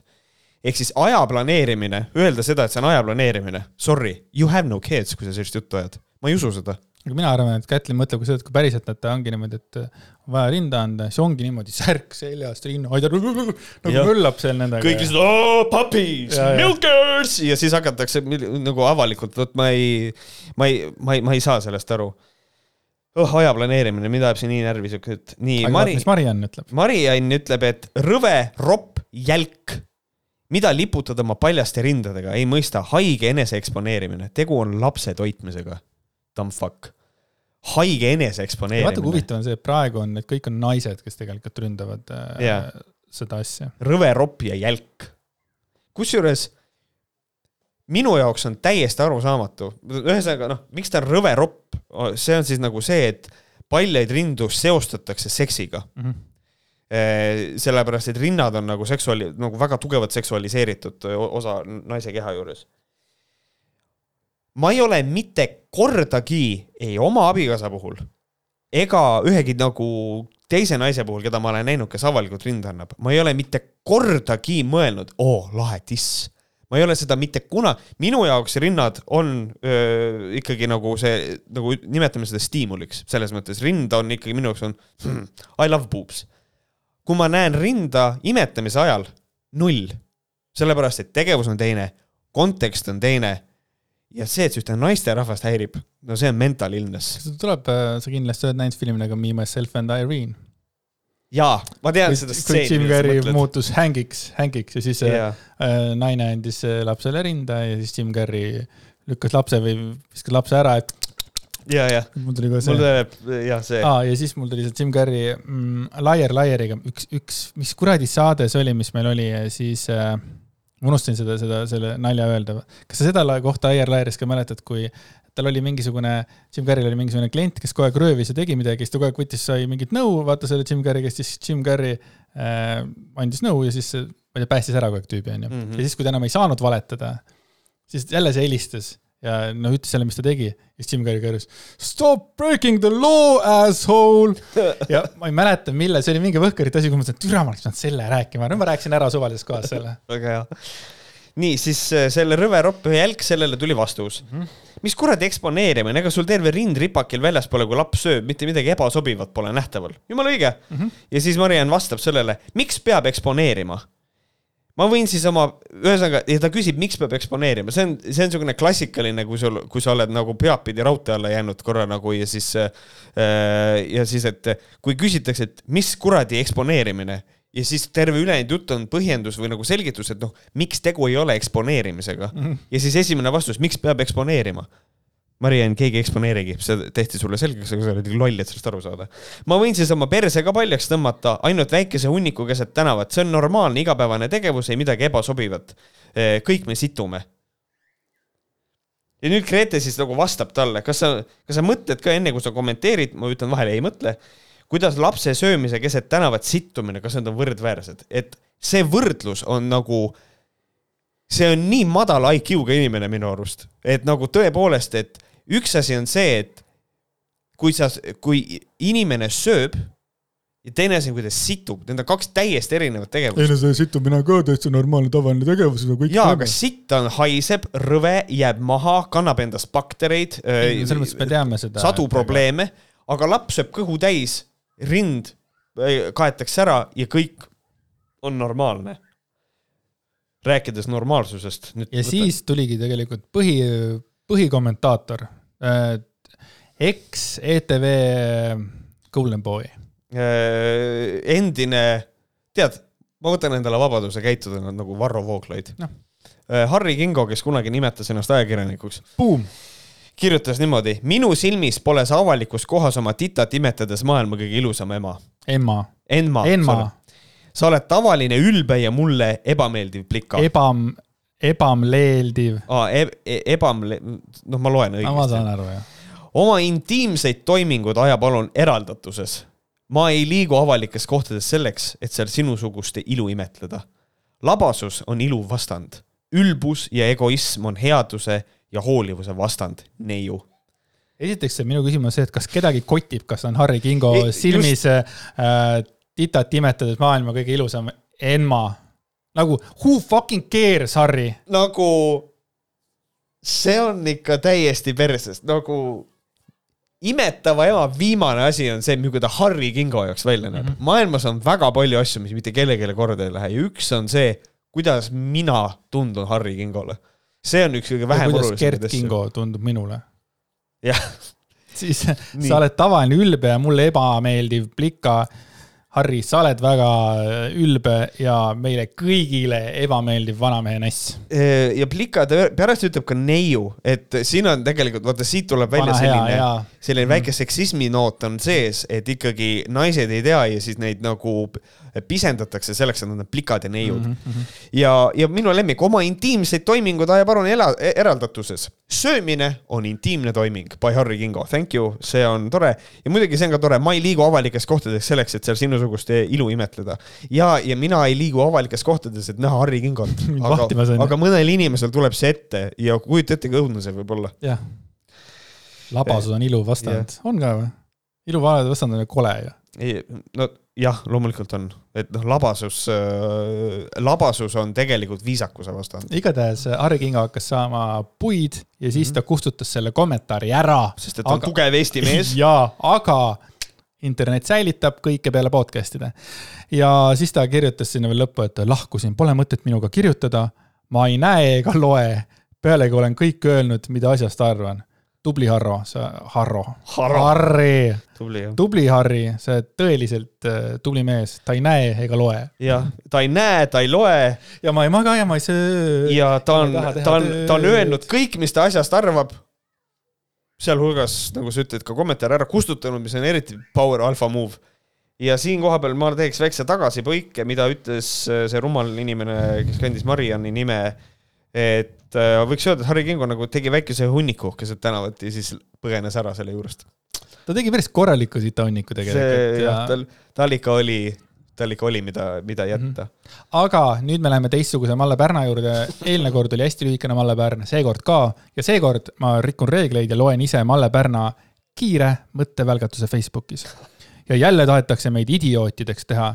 teate, kui oleks tegemist tõeliselt ohtliku pandeemiaga, siis käituks meditsiin teistmoodi. ei ole võimalik, et nii paljud arstid on unustanud oma vande ja mängivad kaasa miljardäride ärihullustes kui nad ikka usuksid, et rahvas võib surra, siis nad püüaksid meid ravida ja eraldada haiget tervetest, mitte mängida narrimängu maskide ja eksperimentaalse süstimisvedelikuga.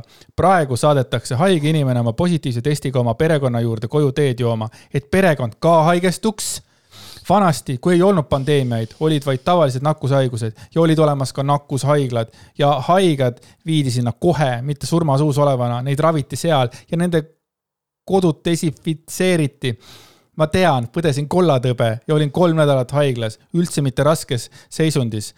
pea, praegu tehakse mingeid reklaamkampaaniaid vaktsiinile, ühele hirmkasumlikule rahapuule, muud midagi. ravi on olemas, aga keelatud. meil ei ole pandeemiat, sest arstid ei karda meie elude pärast. Nad ei tee midagi tegeliku pandeemia peatamiseks ma tegin seda meie eelmises saates, aga sorry, ma pean seda siin ka tegema, see esimene lause on lihtsalt Malle Pärn.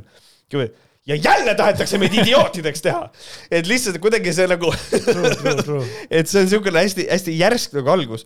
aga minu jaoks on lihtsalt, ma loen selle läbi, see on, kui ma ei eksi, vist Eeva Teemad vist ka rääkis sellest, et see on ikka täiesti Eva sai- Teemand. Eva Teemand, vabandust, et see on ikka täiesti sai-, nagu see on ikka psycho, et see on nagu see, et nüüd Malle Pärn on see, kes ütleb, et me peame haiged inimesed eraldama tervetest., Malle, selle nimi on apartheid. kas see on see, mille vastu me just nagu tükk aega olime, et nagu kui oled haige, kui on haigustunnused, siis ära mine kuskile et kui sa oled vaktsineerimata, on suurem tõenäosus, et sa võib-olla oled haiguse kandja, selle levitaja, palun ära tule kohvikusse sisse, kui sul ei ole tõendit või kui sul ei ole maski ees.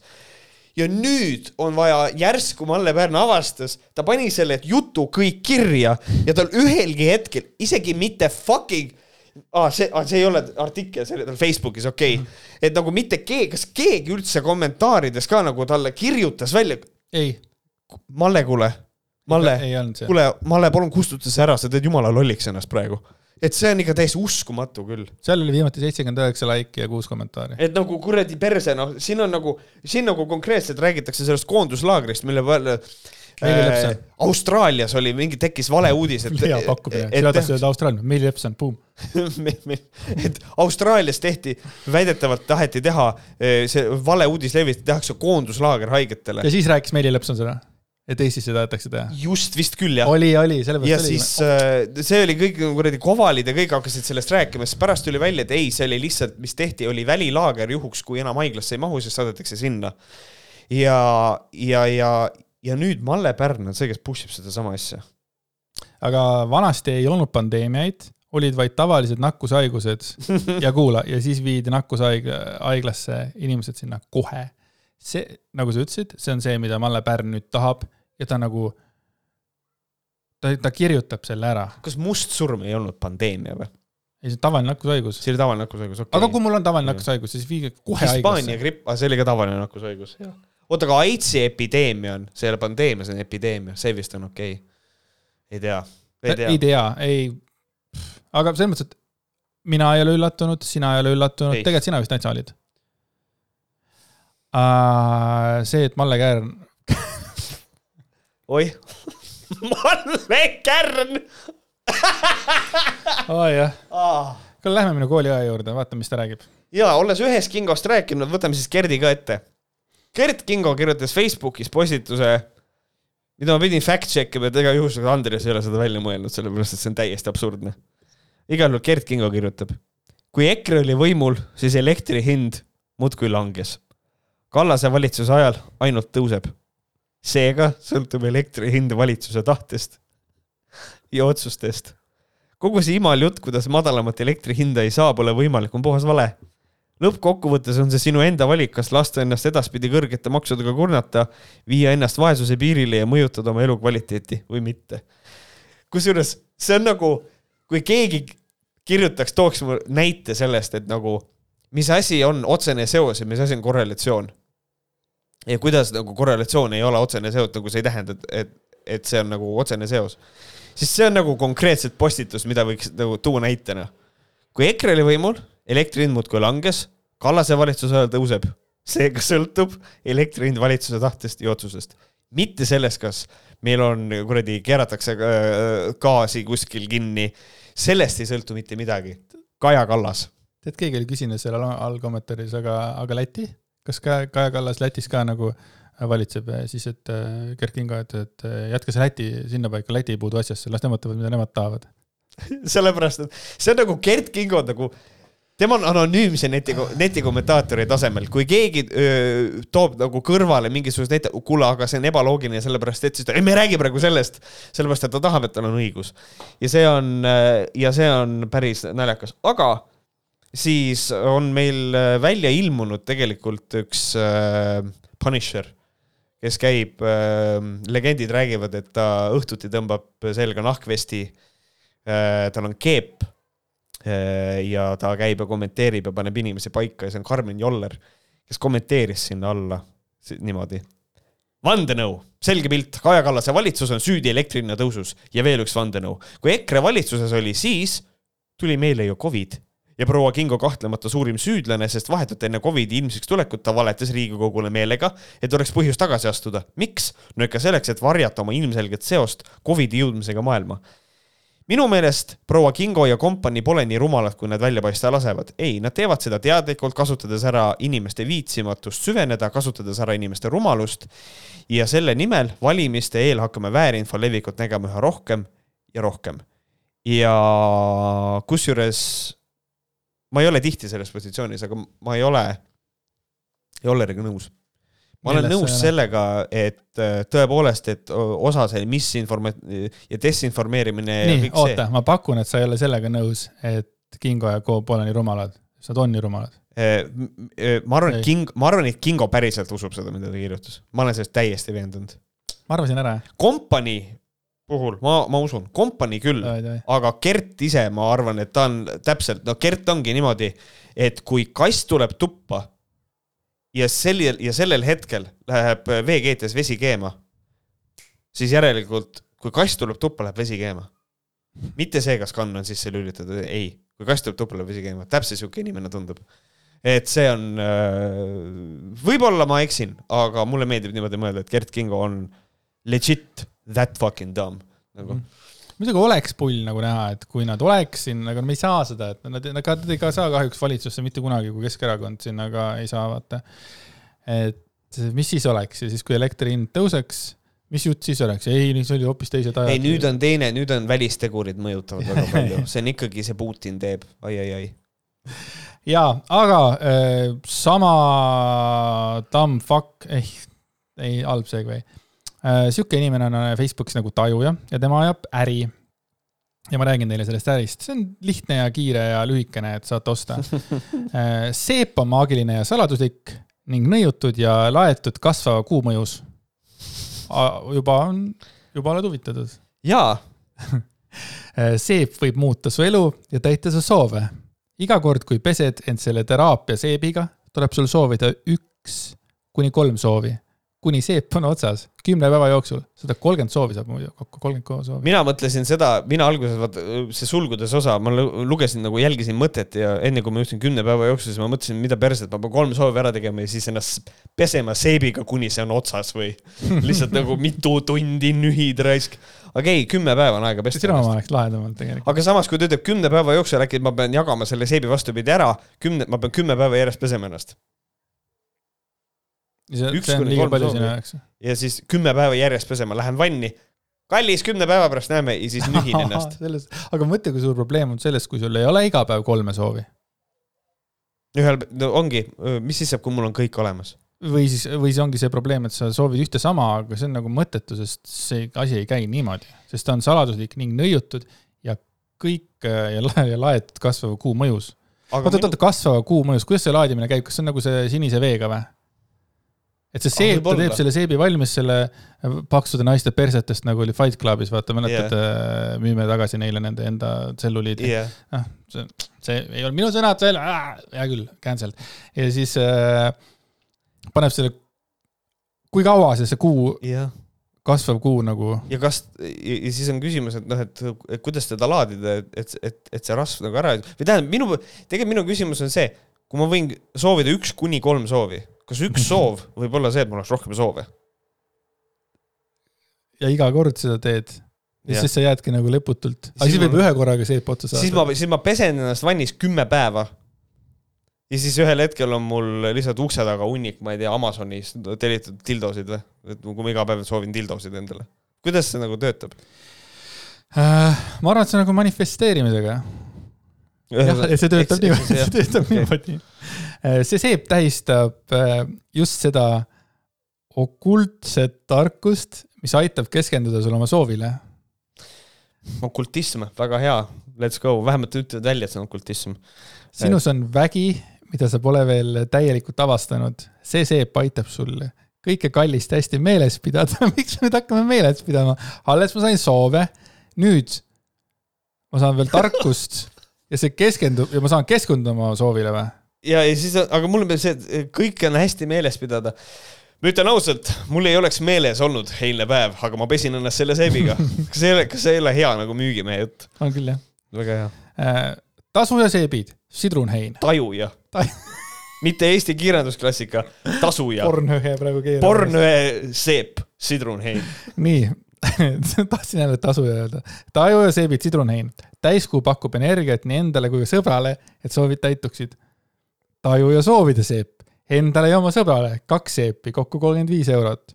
ühe seebi hind kakskümmend viis eurot.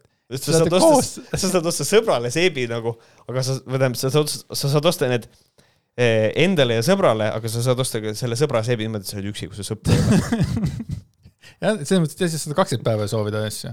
ja mulle tekib see küsimus, kui ma teen nagu sõbraga koos seda asja, kas me peame olema ühes kohas, peseme üksteist ja duši all. või, või, või kas me võime olla nagu oma kodudes ja kas me peame nagu tegema graafiku, me peame samal ajal pesema tekib see küsimus ka. see, see on sõbra seebi, seebi, kusjuures see on neljateistkümnenda veebruari kink. kusjuures. sõbrapäevaks sõbra seebik, seebi. me oleme siin saates lahanud ikka igasuguseid asju, me oleme mingid harmoniseerijad on, On. olnud ja, ja küll keegi, et sa laed vett ja nüüd on siis sealmaal, et nüüd on seebid. Mina ikkagi ootan seda, kuni nüüd keegi hakkab, sest et meil tehakse neid, kuidas, kuidas seda nimetatakse, mis selle, kes OnlyFansis on, Putsi Helen või? C-tähtedega, see ei ole putsikarbid, putsikarbid, pukikarbid. puki, siis. putsi Helen või? ei olnud. ma ei tea, kas ta ei olnud Helen või, ma ei tea, pohhui. igal juhul see, noh, see putsinaine, noh.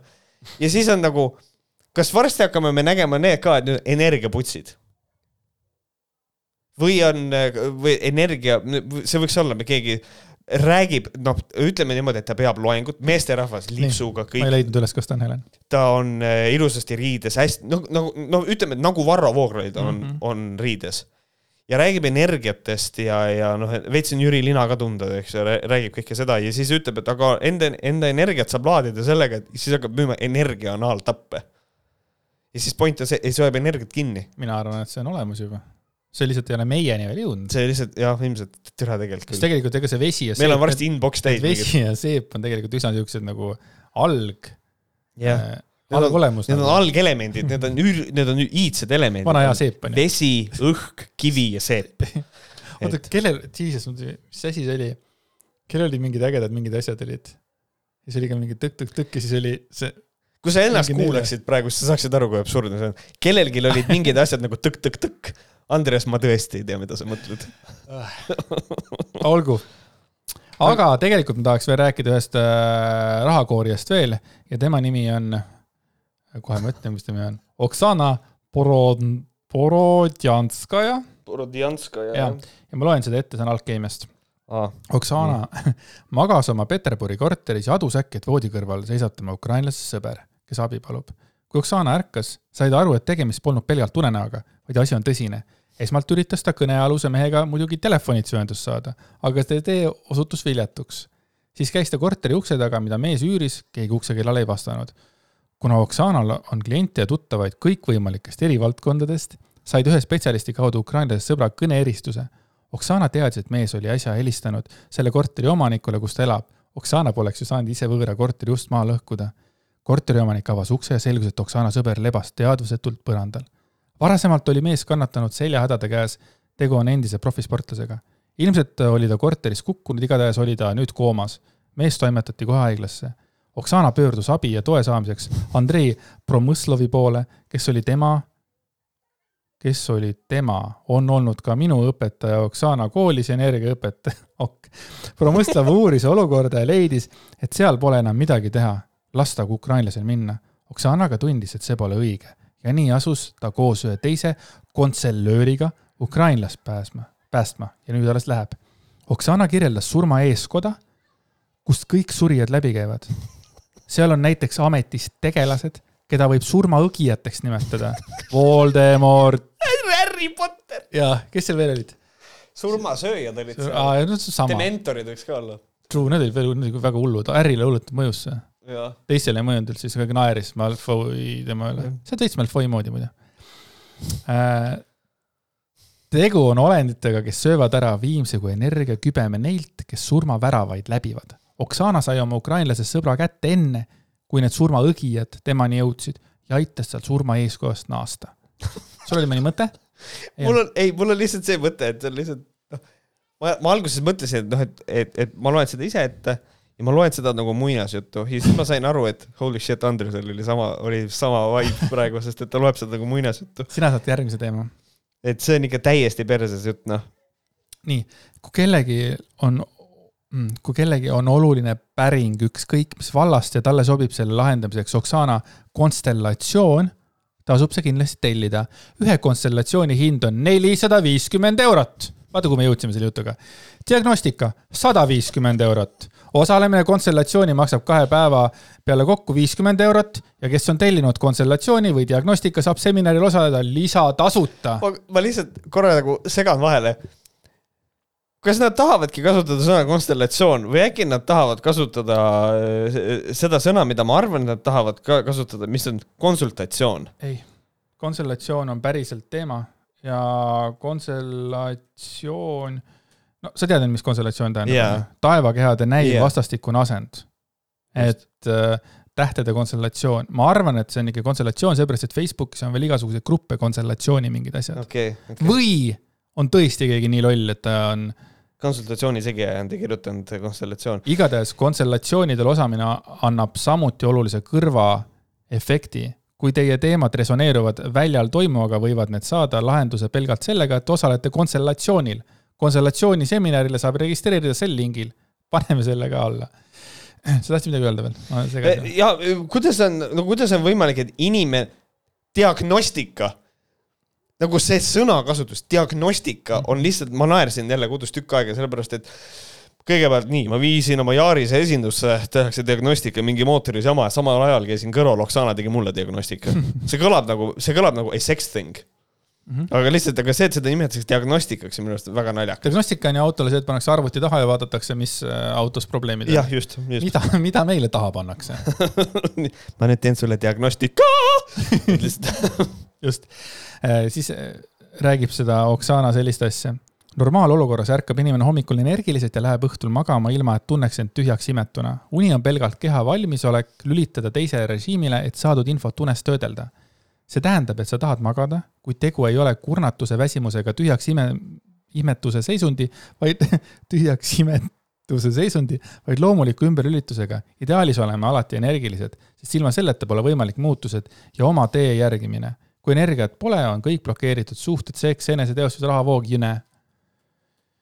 Nii, aga eluks täis rõõmu, armastust, naudingut vajame energiat, see on iga liikumise, voolamise ja muutuse lähtepunkt. kutsun seminarile kõiki, kes tahavad olla alati oma jõus, energias elutäituses, ütleb Oksana Borotjanskaja. osalemine seminaril isiku energia kookoni kogumine maksab kakssada viiskümmend eurot soovitav on kaasa võtta diktofon või salvestav telefon, et jäädvustada Oksana poolt antavad individuaalsed juhendid. registreeruda saab järgmisel lingil. esmaspäeval, viisteist august, see on juba kohe-kohe, viib Oksana Boront läbi eh, lila mängu. mängu võib siseneda mis tahes küsimusega, mis on praegusel hetkel aktuaalne või taotlusega oma eluülesande või elutee kohta. lila mängu osalustas on kakssada viiskümmend eurot grupi suurus on piiratud arv inimesi, lilla mängule saab registreeruda järgmisel lingu, lingi. piiratud arv inimesi on FOMO puhas äh,. lila mäng, lähen mängin kakssada viiskümmend eurot mängida midagi, normaalne. kõlab nagu FIFA. Jah, et äh, on huvi, siis otsid, otsi, otsige üles Oksana mis, mis iganes, mis iganes ta oli. see on nagu ja, nii sitt marketing artikkel. minu arvates on nagu haige on see, et Alkeemia on fucking Delfi onju me oleme alkeemiale ilkunud ja ma saan aru, et see ongi nagu naljakas, aga see on juba puhas reklaam ju.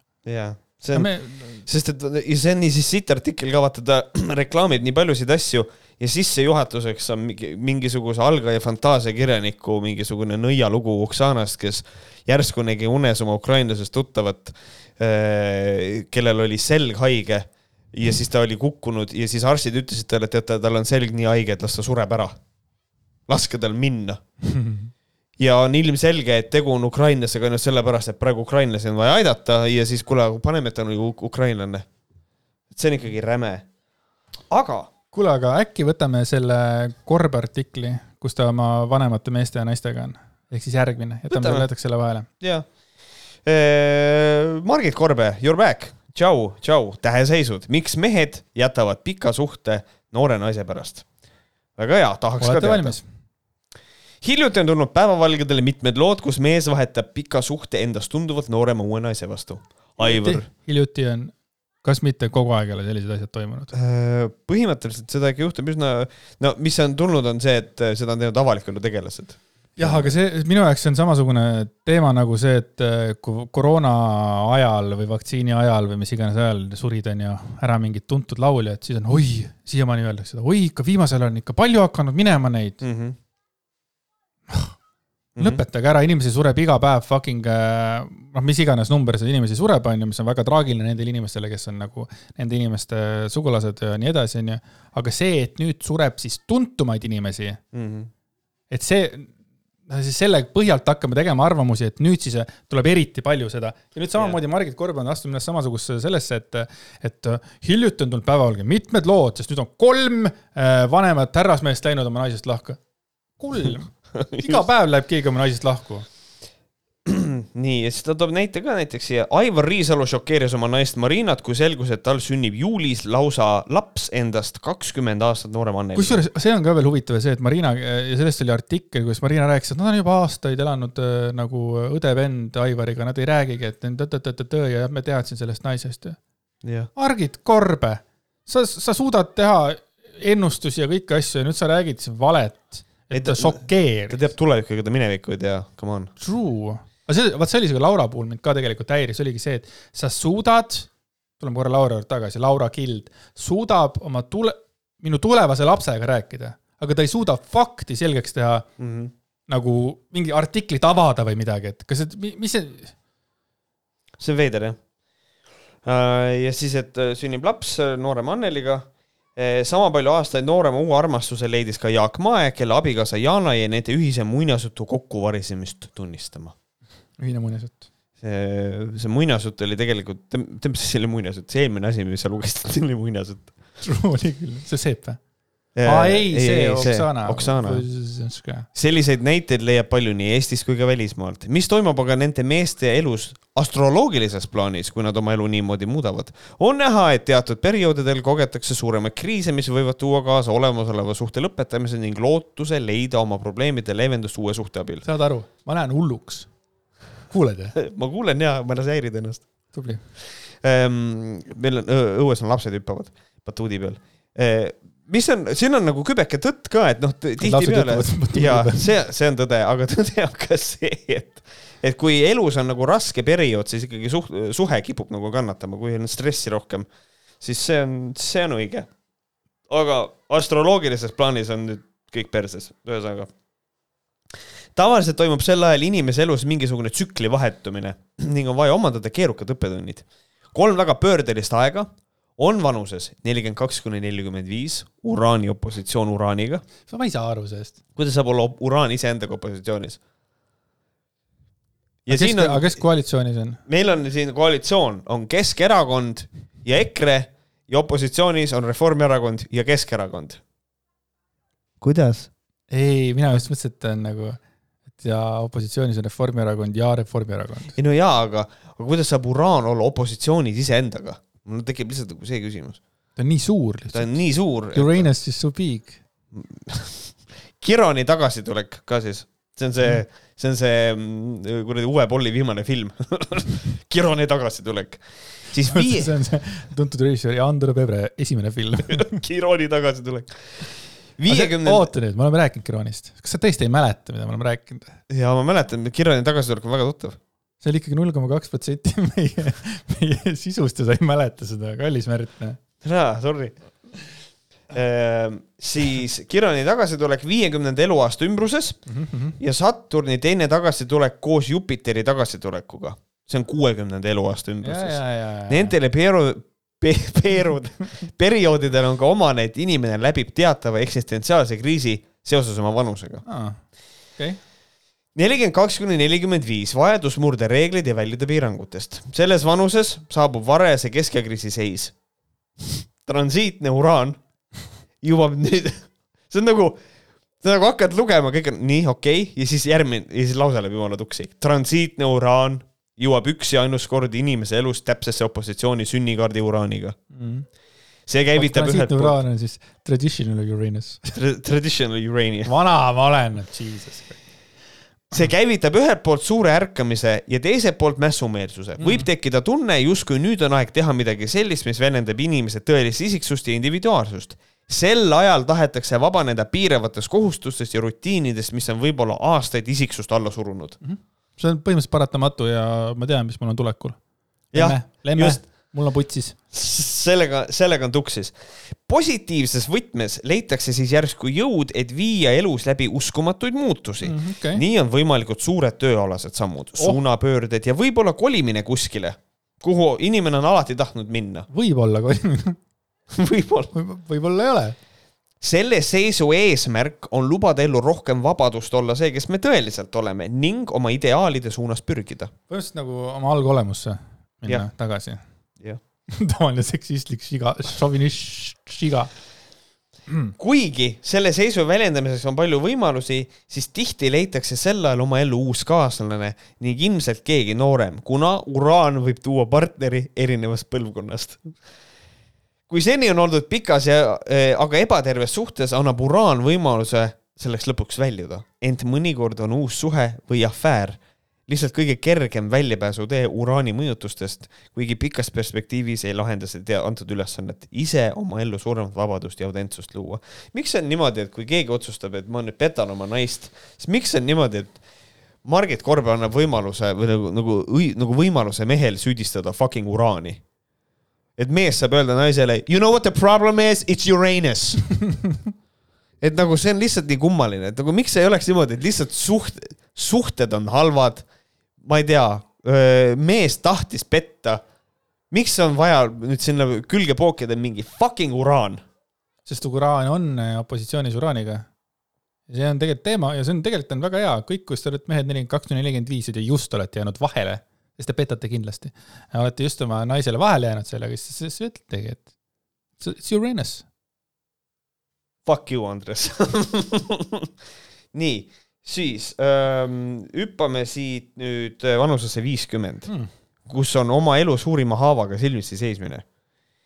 mis tähendab siis seda, et selle eluaasta ümbruses ähm, jõuab haavatud tervendajaks tituleeritud taevakeha, kes tuleb tagasi. True, jaa, oligi, Chiron oligi haavatud tervendaja. Chiron esimest korda tagasi täpselt samasse punkti, kus ta asus inimese sünnihetkel ning tõeline keskelkriis jõuab kohale. miks on niimoodi, et see on just viiekümnes eluaasta?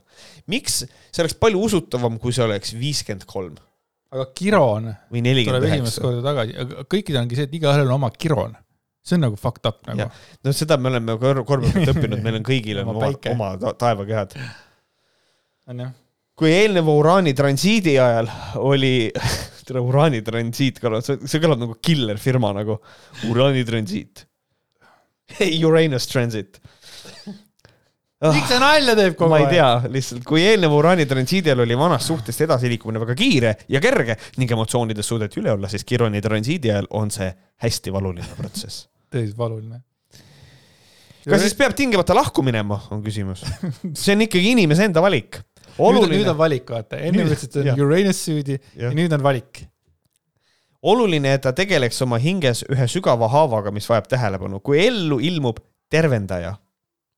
taju, tajuja Ma... oota, oota, oota korra, mis see, mis, mis see oli, mis see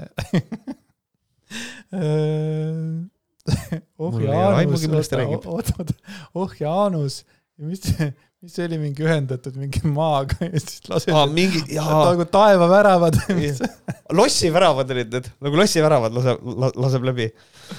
saad aru, iga kord ma mõtlen selle peale. mahajäänud kallim võib võtta vähemalt teadmiseks, et ega see uus suhe pole üksnes lilled ja liblikad mm., need kaks tegelevad koos päris suurte valupunktidega. ja võib-olla tasub lihtsalt aktsepteerida, et mehel on hingelises arenguks seda suhet vaja. ühesõnaga, kallid naised kui teie mees jätab teid maha, siis lihtsalt mõelge, et ah, ega neil ka kerge ei ole ja teate, mehel oligi seda vaja. see, aga see on väga nagu õige po po po point nagu, kui ma mõtlen Margit Korge pea, Korbe peale, et sul sõnad lähevad sassi, siis sealt ei tule nagu palju asju, onju. tähendab, tuleb palju, palju sõnu, mis on pandud järjekorda. aga see, et kui on ühine vaenlane või kui kellelgi läheb sitasti, best time ever nagu selles mõttes küll, et noh kui sa näed, et tollel läheb sitasti, see on best ju. ma tunnen, et ma, ma tunnen, et elu läheb raskeks, better break up, sihuke tunne. kui aga olemasolev suhe on, on juba ise selline, mis võimaldab tegeleda hingehaavade ravitsemisega, siis ilmselt uut suhet ei tekigi. Jaak Mae lahkuminek noore kalli, noore ja noore kallima leidmine leidis aset just selles faasis. ja nüüd kuuskümmend, viimane võimalus uueks alguseks. see on siis selle Andero Pebre järgmise filmi alapealkiri kuuekümnenda eluaasta ümbruses satub kokku kaks suurt transiiti, Saturni. filmi nimega kolmsada eel, eel, eel, eellugu, vaata. kuuskümmend, viimane võimalus uueks alguseks. Saturni ja Jupiteri tagasitulek oma sünnipositsioonidesse, tuues kaasa hilise keskeakriisi. siin täitub Saturnil teine ja Jupiteril viies ring Saturni esimene ring täitus kolmekümnenda eluaasta kandis. iga kord, kui Saturn jõuab oma algpunkti sünnikaardist tagasi, algab inimese elus millegi uue ülesehitamine, loomise tsükkel bla, bla, bla-bla-bla-bla bla. kas sa ütled Saturn nagu äh, nalja pärast või sa päriselt ütled Saturn? Saturn, ma ütlengi ja. nii jah. Saturn. okei okay,, ma kuulen esimest korda, ma ikka noh, mina nagu astroloogide seltskonnas räägime, me räägime ikka Saturn. Saturn, jah ja. ja ma ütlen Saturn. see on naturlich, Saturn see oli küll näide, mida ma ei oodanud.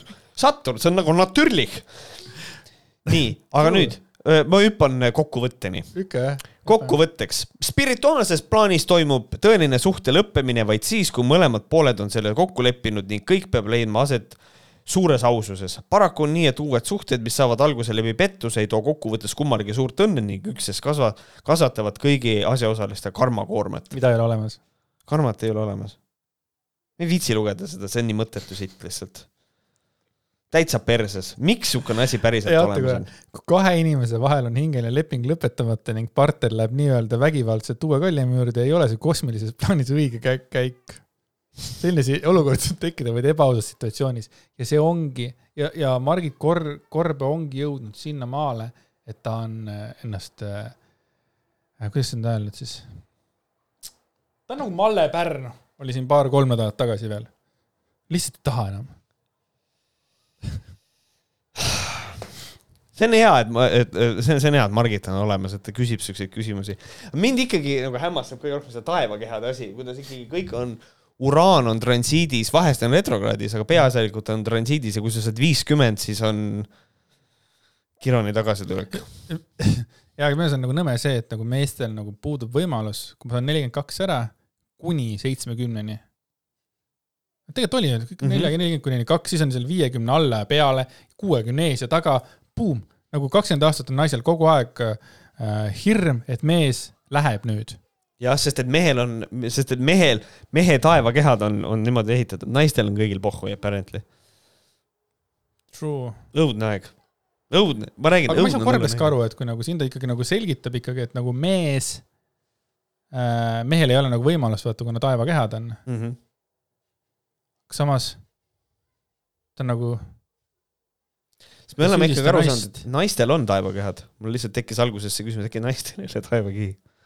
Women have nothing. et lihtsalt see on siuke vana hea. ka, ka astroloogia on seksism tuleb välja. sa muidu uraani oled lähedalt katsunud?